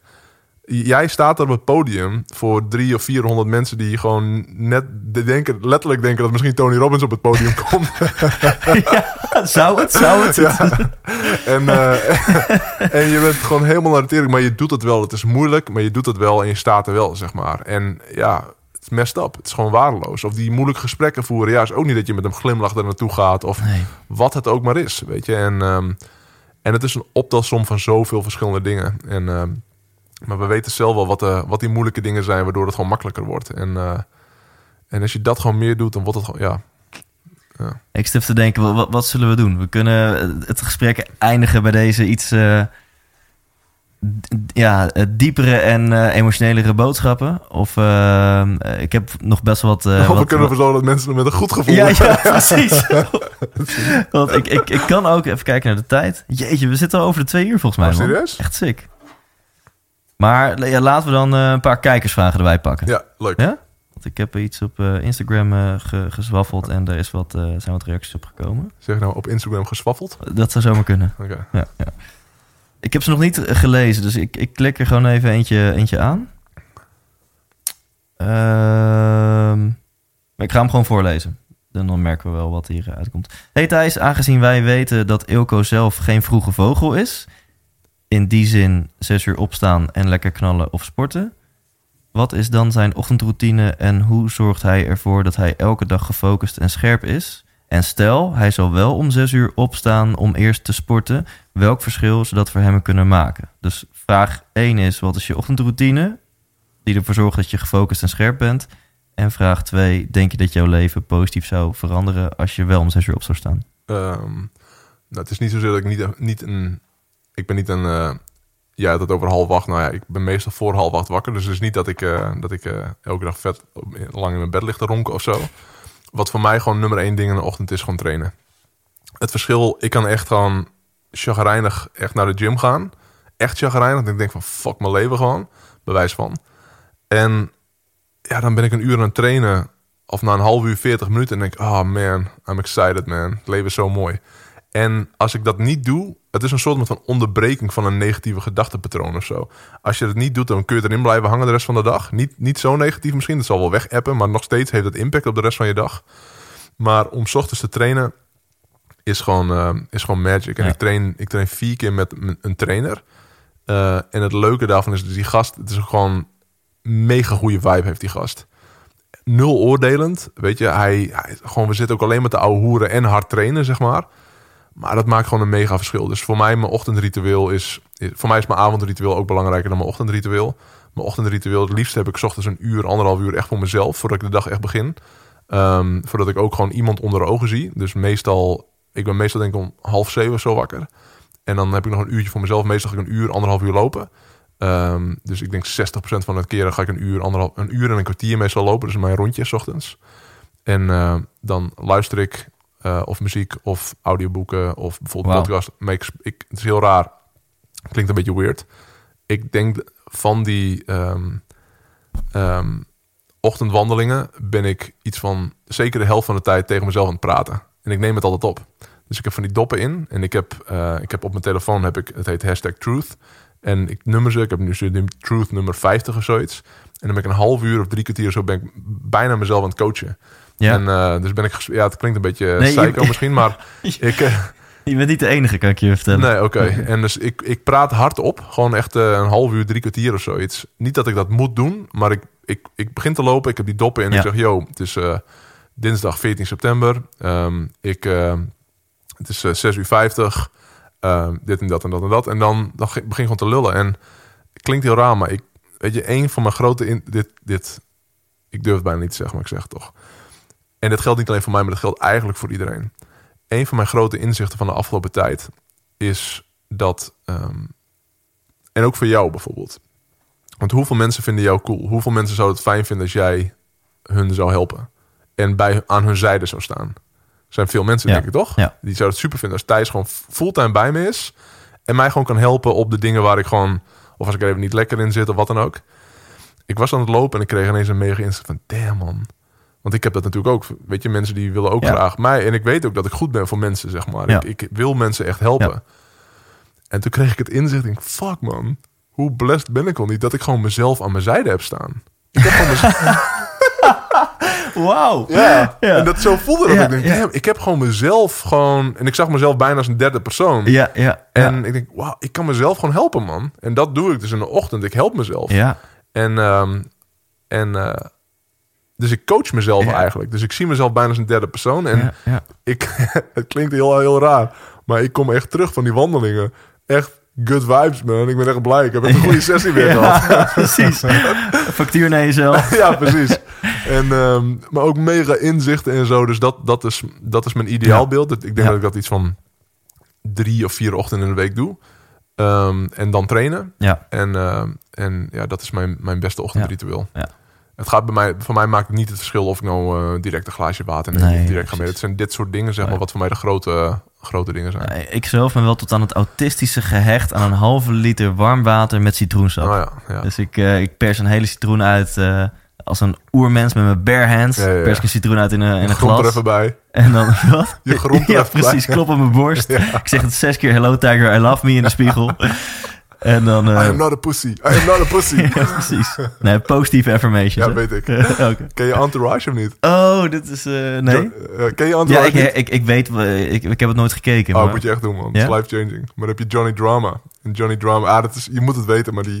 Op een gegeven moment, hij is een acteur, met een beetje een B-acteur. En hij is altijd super zenuwachtig voordat hij een set moet. En dan, eh, en dan kijkt hij in de spiegel en zegt hij... I am not a pussy. I am not a pussy. Ik ga vandaag niet falen. Ja, Ik ga geen blackout Ja, krijgen. is prachtig. Ehm, maar, verder sluit ik me volledig aan bij, bij sporten. Dat doe ik, eh, ik denk, één keer op de s ochtends sporten. Dat doe ik echt maar één keer per maand of zo. Eh, maar ik denk dat ik eh, dat veel vaker ga doen. Want de keren dat ik dat doe en dan op kantoor kom, holy shit. Ja, ik ben wel sterker goed. en fitter aan het eind van de dag. Dus als ik bijvoorbeeld krachttraining of moet hardlopen, wat dan ook... of zou hardlopen, moet ik eerder zeggen. Ehm, dan vier, vijf uur middag, dan ben ik eigenlijk op mijn sterkste. Maar dan, ja, het is ochtend is gewoon het beste Ja. voor mij. Maar dit is dan ook weer fucked up en mooi tegelijkertijd aan het leven. Ik heb er zo weinig zin in s ochtends. Eh, het kost echt heel veel doorzettingsvermogen om me ertoe te zetten. Maar Ja. als ik dat doe, dan voel ik me top of the world. En dan zit ik daarna... eh, maakt niet uit hoe vroeg in mijn auto. En dan voel ik me zo lekker. Ja, En als er een creator van het universum is... dan, dan ben ik hem dankbaar en tegelijkertijd ook frustrerend. Van, dude, Ja. waarom heb je het leven zo fucking ingewikkeld? waarom moet het zo, eh, zo, zo tegenstrijdig altijd zijn? Dat juist door ergens doorheen te bijten... Nou, precies die one-liner die jij net knalde. Weet je, als je de moeilijke weg kiest, heb je een makkelijk leven. En als je de makkelijke weg kiest, heb je een moeilijk leven. ja. ja. Dus dat... eh, Maar goed, eh, zo, zover mijn rant. Zal ik nog één of twee of zo erbij ja, pakken? ja. Ik heb toch niks te doen in mijn leven. Dus, Precies. Ehm, even kijken, waar was ik? De- deze vraag die ik net heb gesteld, eh, wel even leuk om de credits te geven. Die vraag is van Michiel en Marloes. ja, leuk. Uh, Tussen haakjes, hij weet wie we zijn. Ja. En zij zijn van Leefstijl Online. Hij doet eh, Zoom-workouts. Dus Oh. hij doet, eh, hij doet eh, ondernemers die dan om zes... Dus hij wil mij om in die uur sessie hebben natuurlijk. Daarom stelt hij die vraag ook. Waar ik alle respect voor heb. Want hij, hij wil gewoon business doen. Ja. Eh, en ook gewoon helpen. Goede gast. Ja. Maar wat hij doet is hij, eh, hij doet Zoom-sessies. Dus dan doet hij, een, doet, hij, doet hij de training voor. En dan kun je gewoon inloggen. En dan zijn het maximaal 10, 15 man. En dan 6 uur 's ochtends, dan is hij je personal trainer voor 10, 15 man die vanuit huis zeg maar die sessie kunnen doen. Ah, Wat gewoon ook een, waar we het net over hadden. Ja, want het liefste zou ik dus om 6 uur 's ochtends. Het is dat ik het haat om mijn wekker zo vroeg te zetten, want dan ben ik s'avonds al mee bezig en dan slaap ik minder goed. ja, Het liefste zou ik 6 uur 's ochtends wakker willen worden en direct gaan trainen. ja. Alleen dat werkt gewoon voor mij niet, of misschien nog niet. Ja. Maar als ik om 6 uur 's ochtends wakker zou worden en direct zo'n workout met iemand zou kunnen doen, zou briljant zijn. Ja, vet. Ehm, volgende vraag is van Paul Vet. Eh, hij is een coach en hij vraagt: Wanneer voel jij je het meest gelukkig? Eh, ik kan daar zelf wel heel kort. Ik heb hem volgens mij al kort beantwoord eerder, want dat is een vraag van jou. Maar ik, ik kan me fucking gelukkig voelen in de sauna. Dat is echt Oh ja. een van de weinige plekken waar ik compleet prikkelloos kan zijn zonder me te vervelen. Hmm. Ik ben daar zo. Ik, ik, ja, dus daar, daar ben ik echt aan het zijn, zeg maar. Eh, eh, dat Ja. is voor mij. Wat is die voor jou? Wanneer voel jij je het meest gelukkig? Momentum. Dus als dingen rollen. Ah, Dus als dingen lopen. Dus dingen gaande zijn. Eh, je krijgt de groetjes van Ibora Safira. Oh, leuk. Doe de groetjes terug. Ibora, groetjes terug. Dat is al, eh, Gewoon, eh, ik denk dat zij op mijn tien jaar geleden op mijn seminar was. Oh, wauw. 2009. Goed geheugen. ja. ja. Ehm, en eh, Caroline van de Kamp die vraagt: zou hij zoals Marcus Lemonis willen werken? Ehm, Wie- is dat? Dat is een, een ehm, dat is echt een leuke vraag, man. Ik heb, ik heb, Ja. Sarayda heeft een tijd geleden een concept voor mij uitbedacht. Dat Marcus Lemonis is een gast die hij heeft een programma heet The Profit. Nou ja, mijn bedrijf heet winst.nl, dus dat is, daar zit al redelijk op één lijn. En wat hij doet is hij loopt, hij neemt bedrijven over. Ehm, dus hij investeert in bedrijven en vervolgens gaat hij er ook half in staan om het bedrijf te pimpen. Dus meestal, het zijn eigenlijk altijd bedrijven met problemen, maar wel met potentieel. Ja. En dan gaat hij erin staan en dan gaat hij de boel fixen. En vervolgens is hij 50% eigenaar van iets wat ineens gefixt is, zeg maar. Ja. En ik heb dat wel, ik heb dat soort dingen heb ik wel gedaan, zeg maar, in, in mijn carrière. Ik heb aardig wat bedrijven kunnen opbouwen op die manier. En ehm, dus dat je, ehm, dat je werkt in een bedrijf en dat je een, een mede eh, partner hebt die dan de bedrijf runt. Dus ik heb, ik heb letterlijk een bedrijf bijvoorbeeld in, in 2006 opgezet, wat nu nog steeds loopt. Dus dat is een bedrijf in Groningen, PPro. eh, wat wel een, een, een serieus ding is, zeg maar. Ja. Ik ben nog steeds eigenaar, maar er is ooit een periode erin gestaan, zeg maar. En nu is degene die dat runt, die runt dat gewoon fulltime. En zo Ja. heb ik nog een aantal bedrijven op weten te bouwen. Dus ehm, dat vond ik super interessant. Heb ik best wel een aantal malen gedaan. Maar nu is dat niet het pad wat ik moet bewandelen. Weet je, ik heb nu... Mijn focus is nu, zo- nu zo scherp op echt ondernemers helpen... en mijn business laten groeien en, en al die dingen, zeg maar. Ook mijn internationale strategie. Dat ik niet... Tijd is gewoon, weet je... Ja. Ik wou dat ik onbeperkt tijd zou hebben... zodat ik dat soort dingen kan doen. Maar ik heb gewoon ehm, te weinig capaciteit al om hetgeen te doen wat ik nu... Of niet te weinig capaciteit, maar de capaciteit heb ik nodig... om hetgeen te doen wat me nu te doen staat. Maar je ziet jezelf dit over eh 10 tot 15 jaar wel doen. Zoiets. Dat Ja? Weet ik niet. Ehm, ik denk het niet eigenlijk. Op een andere manier misschien. eh, maar niet echt dat ik in bedrijven ga staan Nee. en echt de boel ga herorganiseren en dat soort dingen. Want het is. Ik heb gewoon mijn ambities, die hebben al tien jaar nodig, zeg maar, om Ja. uit te kunnen voeren. Ja.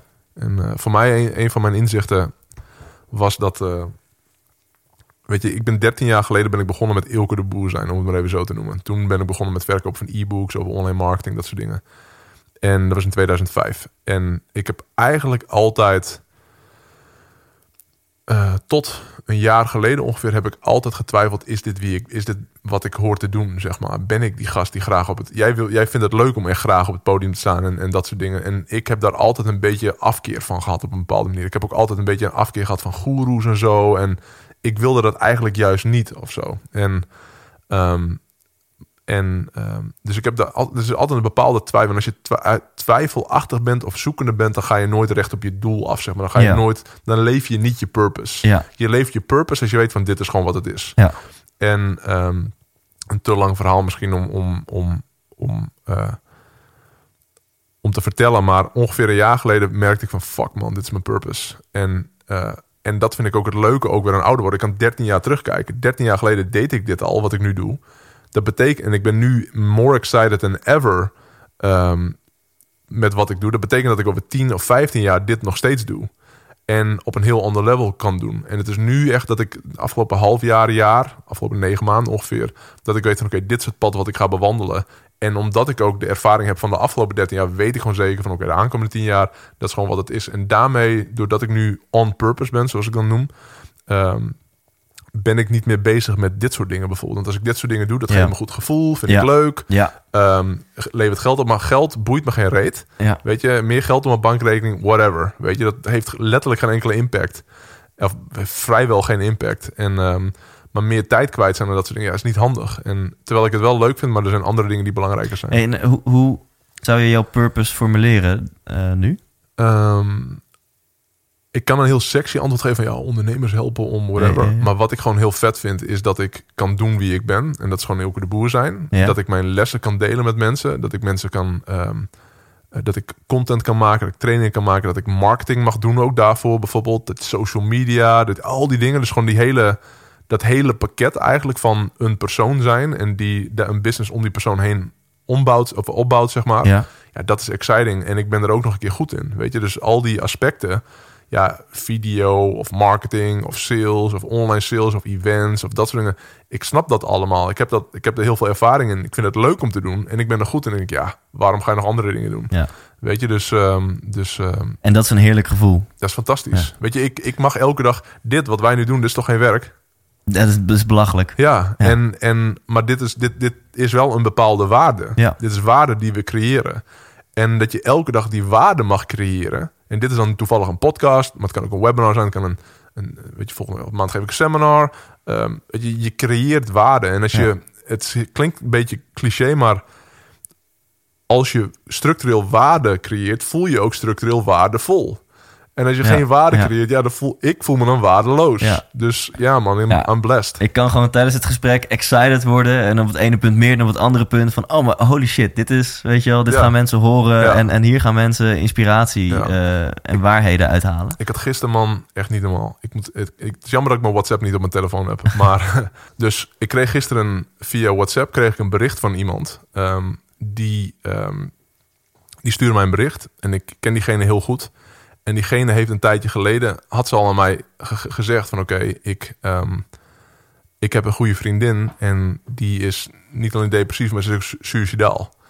En dit is een dame die niet zozeer into persoonlijke ontwikkeling is of dat soort dingen allemaal. En ze vroeg ik aan mij van, eh, heb je ideeën om haar te helpen? Dus ik gaf wat ideeën en wat resources en dat soort dingen. En toen stond ze gisteren, die, die persoon die stond gisteren eens op mijn eh, WhatsApp als voice note. Niet die, niet die dame die suicidaal was, maar diegene waar, die, die me daarover had gecontacteerd. En er was een bericht van iets van twee, tweeënhalve minuut of zo. En ze zei van, ik weet niet wat er is gebeurd, maar ik heb vanochtend heb ik ehm, jouw dingen en dingen van Dolly heb ik opgestuurd. En ze is compleet veranderd. Ze is gewoon, ze, ze weet niet meer, ze is gewoon helemaal gek geworden gewoon. Ze heeft ineens plannen voor een online programma. En ze wil dit en dat en dat en dat. Ze is helemaal excited. Ze heeft dat gedaan, die keuze gemaakt. Al die dingen. Ik denk, wat. En, en echt op basis van een Instagram-post. Zat Instagram-post van mij aan, zat haar getagd. En een Instagram-post met fucking acht regels tekst of zo. En, ehm, en ook van Dolly dan doorgestuurd. Die heeft ook allemaal mooie dingen op haar eh, Instagram en zo. En toen is ze wat verder gaan kijken. En ze heeft gewoon allemaal ideeën. Ze is helemaal ineens, terwijl zij echt gewoon, ja, echt van het padje af was.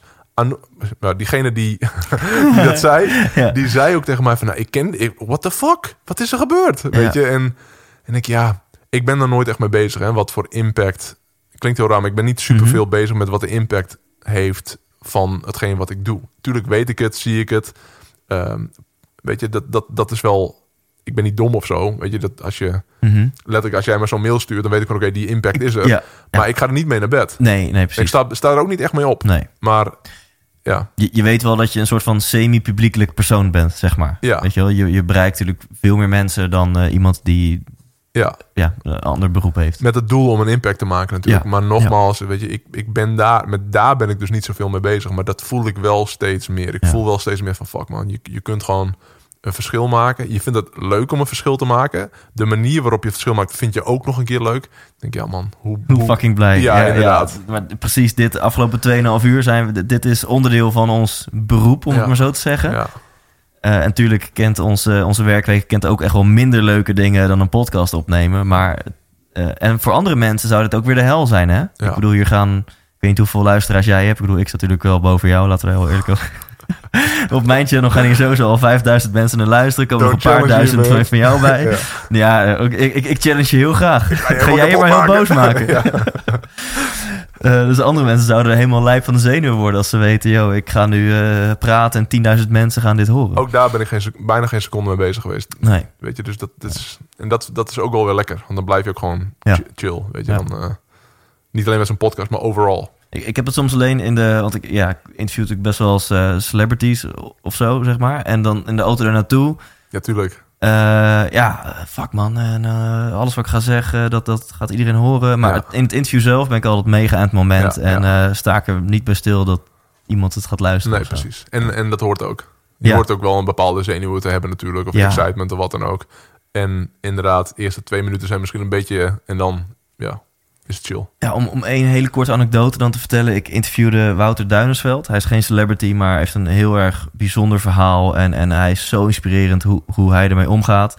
Lang verhaal kort, hij heeft een donorhart. Uh, dat is goed nieuws, want uh, je moet maar net bovenaan de lijst zijn gekomen. De operatie moet goed verlopen.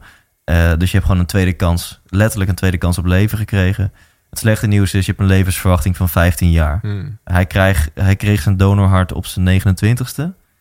Uh, ik interviewde hem op zijn 39ste. Oh, wow. En in die tussentijd heeft hij twee kindjes gekregen. Oh, wow. Wetende dat hij zo maximaal 10 jaar oud gaat zien worden, zeg maar. En uh, de eerste vraag die ik standaard stel, dat is, dat is het enige wat scripted is aan mijn podcast. Ik heb standaard de eerste vraag en voor de rest is het go with the flow. En die eerste vraag is, wat wil je worden als je later groot bent? Oh, ja. Ik zit in mijn auto naar hem toe. Zo. En ineens had ik, stond ik erbij stil. Knalde die zo echt gewoon Ja. als een mes in mijn hart van... Fuck, die eerste vraag. Ja. Wat wil je worden als je later groot... Kan ik toch niet maken? Nee. Ja, en echt, dan, dat je dan de tranen van je wangen moet vegen... en, en nog dat interview moet doen, zeg Mhm. maar. En eh, uiteindelijk trouwens wel die vraag gesteld. en had een heel mooi antwoord. Ja. En nou, echt heel veel... Hij komt eh, naar een van mijn shows Oh, trouwens. vet. Dit verhaal, eh, iets uitgebreider vertel ik ook in mijn shows. Oh, ik vertel vet. een aantal anekdotes aan mijn podcast. Ehm, het is altijd een beetje onder voorbehoud bij hem natuurlijk. Want ja, hij is niet altijd even fit om een avondje uit eh, te pakken. Hm. Maar hij is er zeer waarschijnlijk bij dit najaar bij een van de shows. En ik kijk nu al uit aan dat moment dat ik dan ja, na dit verhaal kan zeggen van jongens, daar zit hij. Hoe ben je erbij gekomen om hem eh, te gaan interviewen?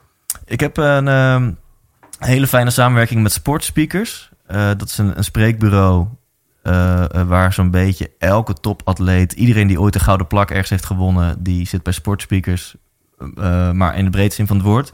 En hij eh, zit er ook omdat hij is de, dat is nog veel sicker trouwens, hij is een van de enige twee mensen op deze aardkloot die met een donorhart een Ironman heeft Oh, wow. gefinished. Ja. Dat is echt insane. Dus Ja. daarom staat hij op de lijst bij Sportspeakers. Ja. Eh, dat is echt een luxe ook van mij dat ik... Bijna is het zo dat ik gewoon een complete lijst van hun krijg van een sprekersbestand.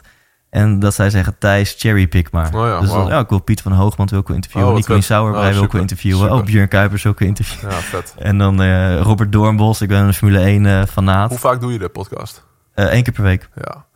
Echt step up je game, man. Ja, Nee, echt for real. ja, ja oké, cool. Ja. Gewoon twee of drie keer per week. Ja, man. maar, eh, en wat is het... Gewoon. Wat, wat heeft het je nu gebracht? Want hoeveel episodes Ja, maar heb je dat, dat, is de hypothese. Gaat het mij twee keer zoveel brengen als ik twee keer zoveel ga gaat je posten? vijf keer zoveel brengen. Het Ja? gaat je niet maar twee keer zoveel brengen. Het gaat je vijf keer of tien keer meer brengen. Het is echt... Het, het- ik voel bij jou als je twee of drie keer dit doet per week... Dat is een complete game changer, man. In so many ways. Niet alleen het, het bereik wat je gaat krijgen. Ja, Ook twee of drie keer meer connecties die je maakt natuurlijk. ja. Het heeft een compounding effect. En dus het is niet keer twee. Het is echt keer vijf of misschien wel nog veel groter.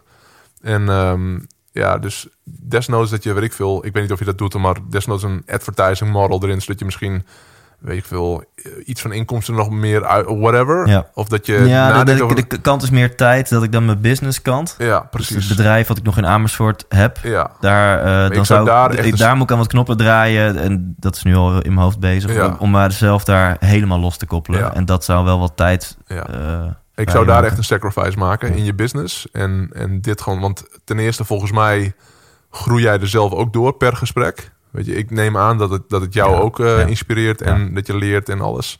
Maar, en ook die plek nog meer claimen. Dus, want het is, het zou niet cool zijn, niet dat het daarom zou moeten, maar het zou niet cool zijn als iemand anders zes keer per week Mhm. of zeven keer per week dusdanig kwalitatieve interviews doet.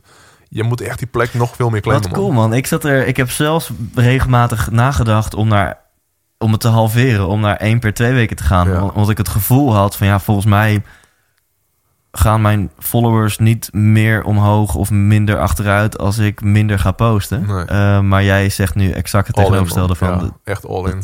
Oké. Want het, ja, want het is één. Kijk alleen al naar en niet, niet maar hoe, hoe is onze connectie zeg maar nu ten opzichte van eh, eh, drie dagen geleden? Weet je, hoe zijn wij met Ja. elkaar nu ten opzichte van drie dagen Ja. geleden? We waren prima met elkaar, want we hadden waarschijnlijk goede gedachten over elkaar. Maar meer dan dat was het niet. Maar nu zijn, weet je, we zijn bevriend geraakt tijdens Ja. deze podcast. Dat is gewoon hoe het is. Als jij mij morgen een berichtje stuurt op mijn WhatsApp, is het anders dan vier dagen geleden. Ja, ja, totally. En dat alleen al, zeg maar, het effect daarvan kan zijn dat, weet ik veel, dat ik, eh, weet ik veel, je een podium geef of niet dat, niet om mezelf gegro- Ik kan nog, Mhm. je- kan iemand zitten die honderd keer groter is dan ik, Mhm. en die dan kan zeggen, hé hey, Thijs, weet je, dus het is, je doet er, het, het is op zoveel verschillende vlakken, is dit een, een, ehm, een ding wat zoveel voor jou doet. En niet alleen voor jou, maar ook voor iedereen die luistert. Dat het een no in mijn beleving, als ik van, van buiten naar jou kan kijken, is een no-brainer om het minimaal twee of eigenlijk drie keer per week te gaan doen. Ja. En dan commit je nog meer ook. En dan, ga, dan gaan andere, andere dingen die je doet, gaan ook weer naar next level. Weet je dan. En nogmaals, ik, ik heb niet helemaal gekeken of wat dan ook. Maar dan, dan is je Instagram game is ineens een ander level. En dan is je, je website ineens net wat, vet, net wat vetter. Want je weet er gebeurt meer. Of, Mhm. en ehm, ja, het zijn op zoveel verschillende vlakken is het, is het upside. En eh, de enige downside is, het kost wat meer tijd. Weet je, Ja, je en bent met, twee... met, met dit soort dingen denk ik, en eh, jij bent natuurlijk niet de minste die dan zo'n tip geeft. Het is ook wel jouw, eh, jouw expertise, denk ik. Ik. Ik kan het gewoon doen. En eh, als het niet werkt, om wat reden dan ook, kan ik altijd weer terug. Ja, maar ik zou echt committeren tot minimaal een jaar om het te testen. Want je gaat niet na twee maanden al een verschil zien. Maar na een jaar wel.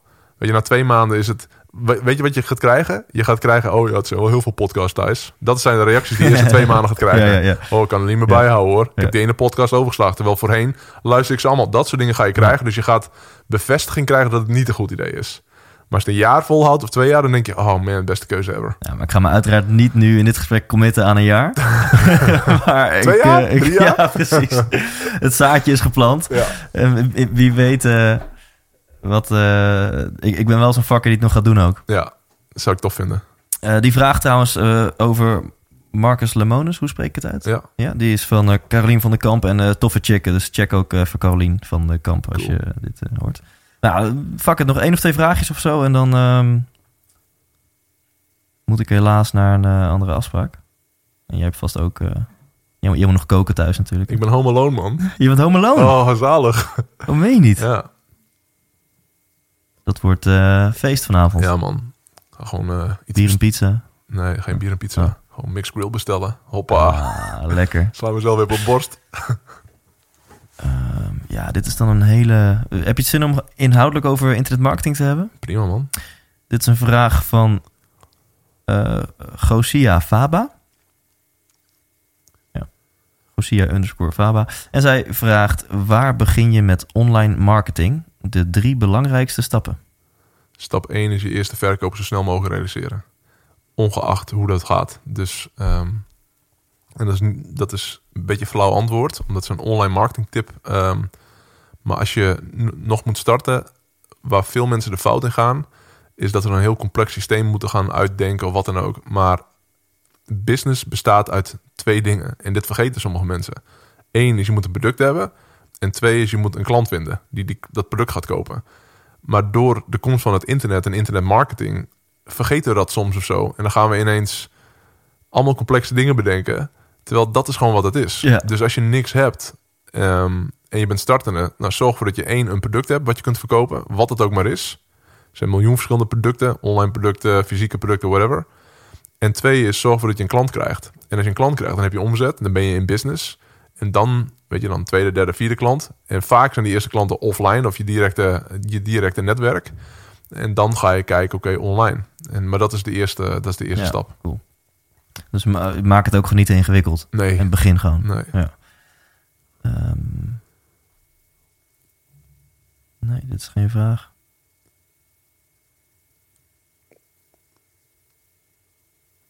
Nou, heel veel mensen zeggen heel vet, veel plezier.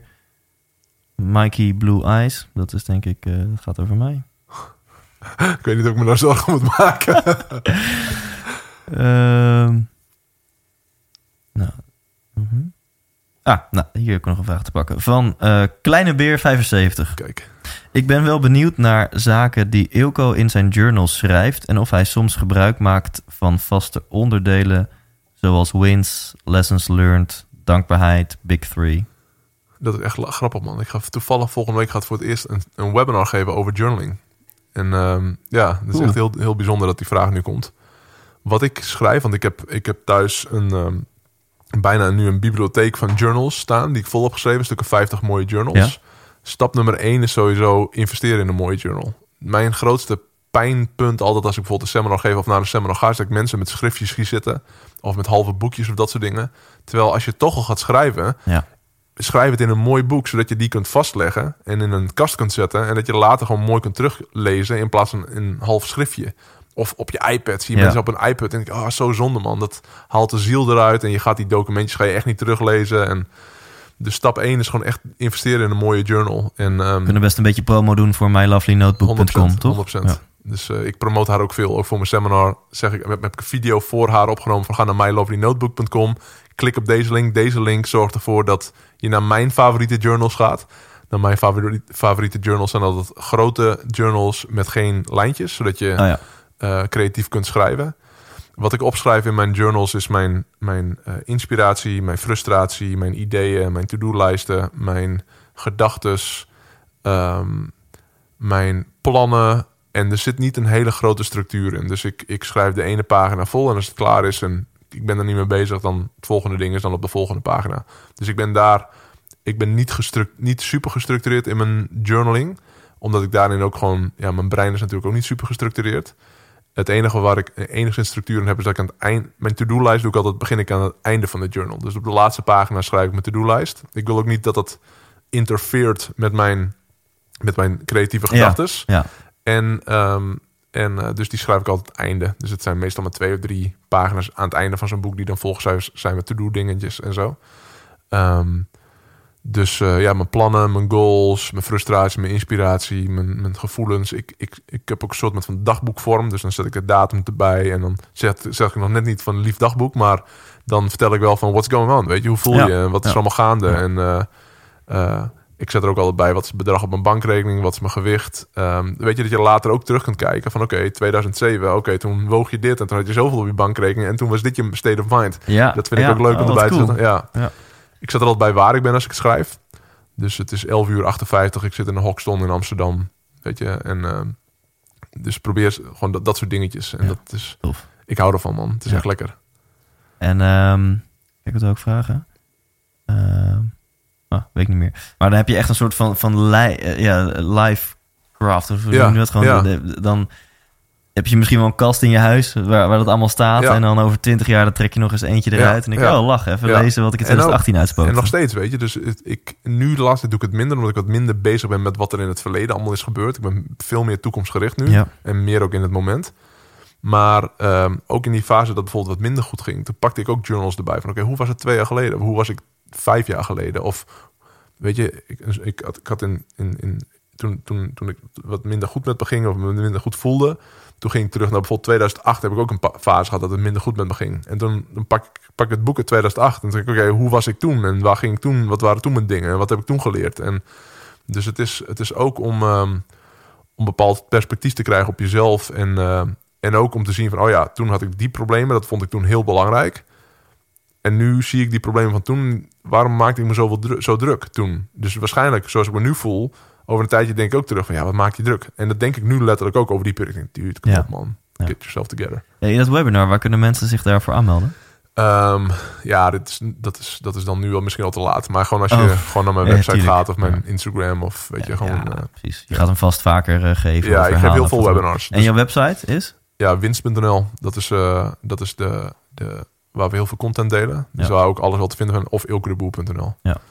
En, eh, en, eh, maar ik denk het leukste is gewoon als mensen dit cool vinden, zeg maar. Ik kan je naar mijn website sturen en dat soort dingen. En dat is ook allemaal leuk. Maar mijn podcast, weet je, dat vind ik het... eh, Ja. ik, ik doe ja, een paar podcasts per week en dan heel anders zoals jij, dan, dan wat jij doet.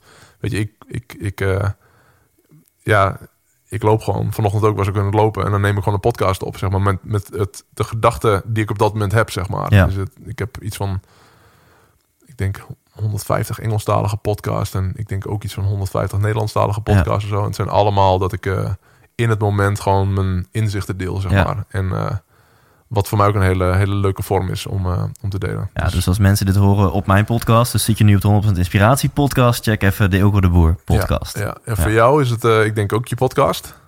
Ja, mijn, mijn podcast is, ehm, daar ga je de meeste waarde uithalen. Ja, En als je denkt, ik hoor nu een paar keer inspiratieshow, fucking vet, ik wil tickets daarvoor kopen. Dan kan ik heel eh, marketing sneaky zeggen, dan moet je er snel bij zijn. Maar dat is dan ook gewoon echt waar. Ja. Want ik, ik ben helemaal verbaasd dat, dat de een na de ander uitverkocht is. Ja. Terwijl het pas over een paar maanden begint. Eh, maar dan kan je naar thijslindhout.nl en dan vind je meteen bovenin tickets en meer info. En, eh, ja. En als je inderdaad naar de Ilke de Boer podcast luistert, dan eh 100% inspiratie podcast. yes. Ja. En dat is, eh, ja, het is gewoon tof, man. Ik, ik, daar, daar ben jij gewoon ehm, van mega waarde. En het is een tof concept. En, en ehm, dus ja, als je inspiratie nodig hebt, wat we allemaal hebben natuurlijk. We hebben allemaal inspiratie nodig, nieuwe inzichten en nieuwe perspectieven. Zou ik ook zeker aanraden om jouw eh, podcast te checken. Dankjewel, Joko. Ja, en, en soms gewoon het verhaal achter een publiek persoon. Weet Ja. je wel? Best wat mensen die ik heb geïnterviewd, die hoor je vaak op de radio. Zoals een Gerrit Ekdom, of die zie je veel op tv. Of het nou een Jort Kelder is, of een Angela... En dat klinkt heel erg als name dropping nu, maar...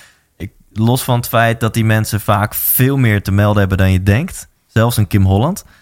eh, is het ook gewoon super tof om... ehm, ja, het verhaal achter zo'n persoons succes te horen. Ja. Ze hoeven echt niet allemaal super spiritueel en, en verlicht en gelukkig te zijn. De een meer dan de ander.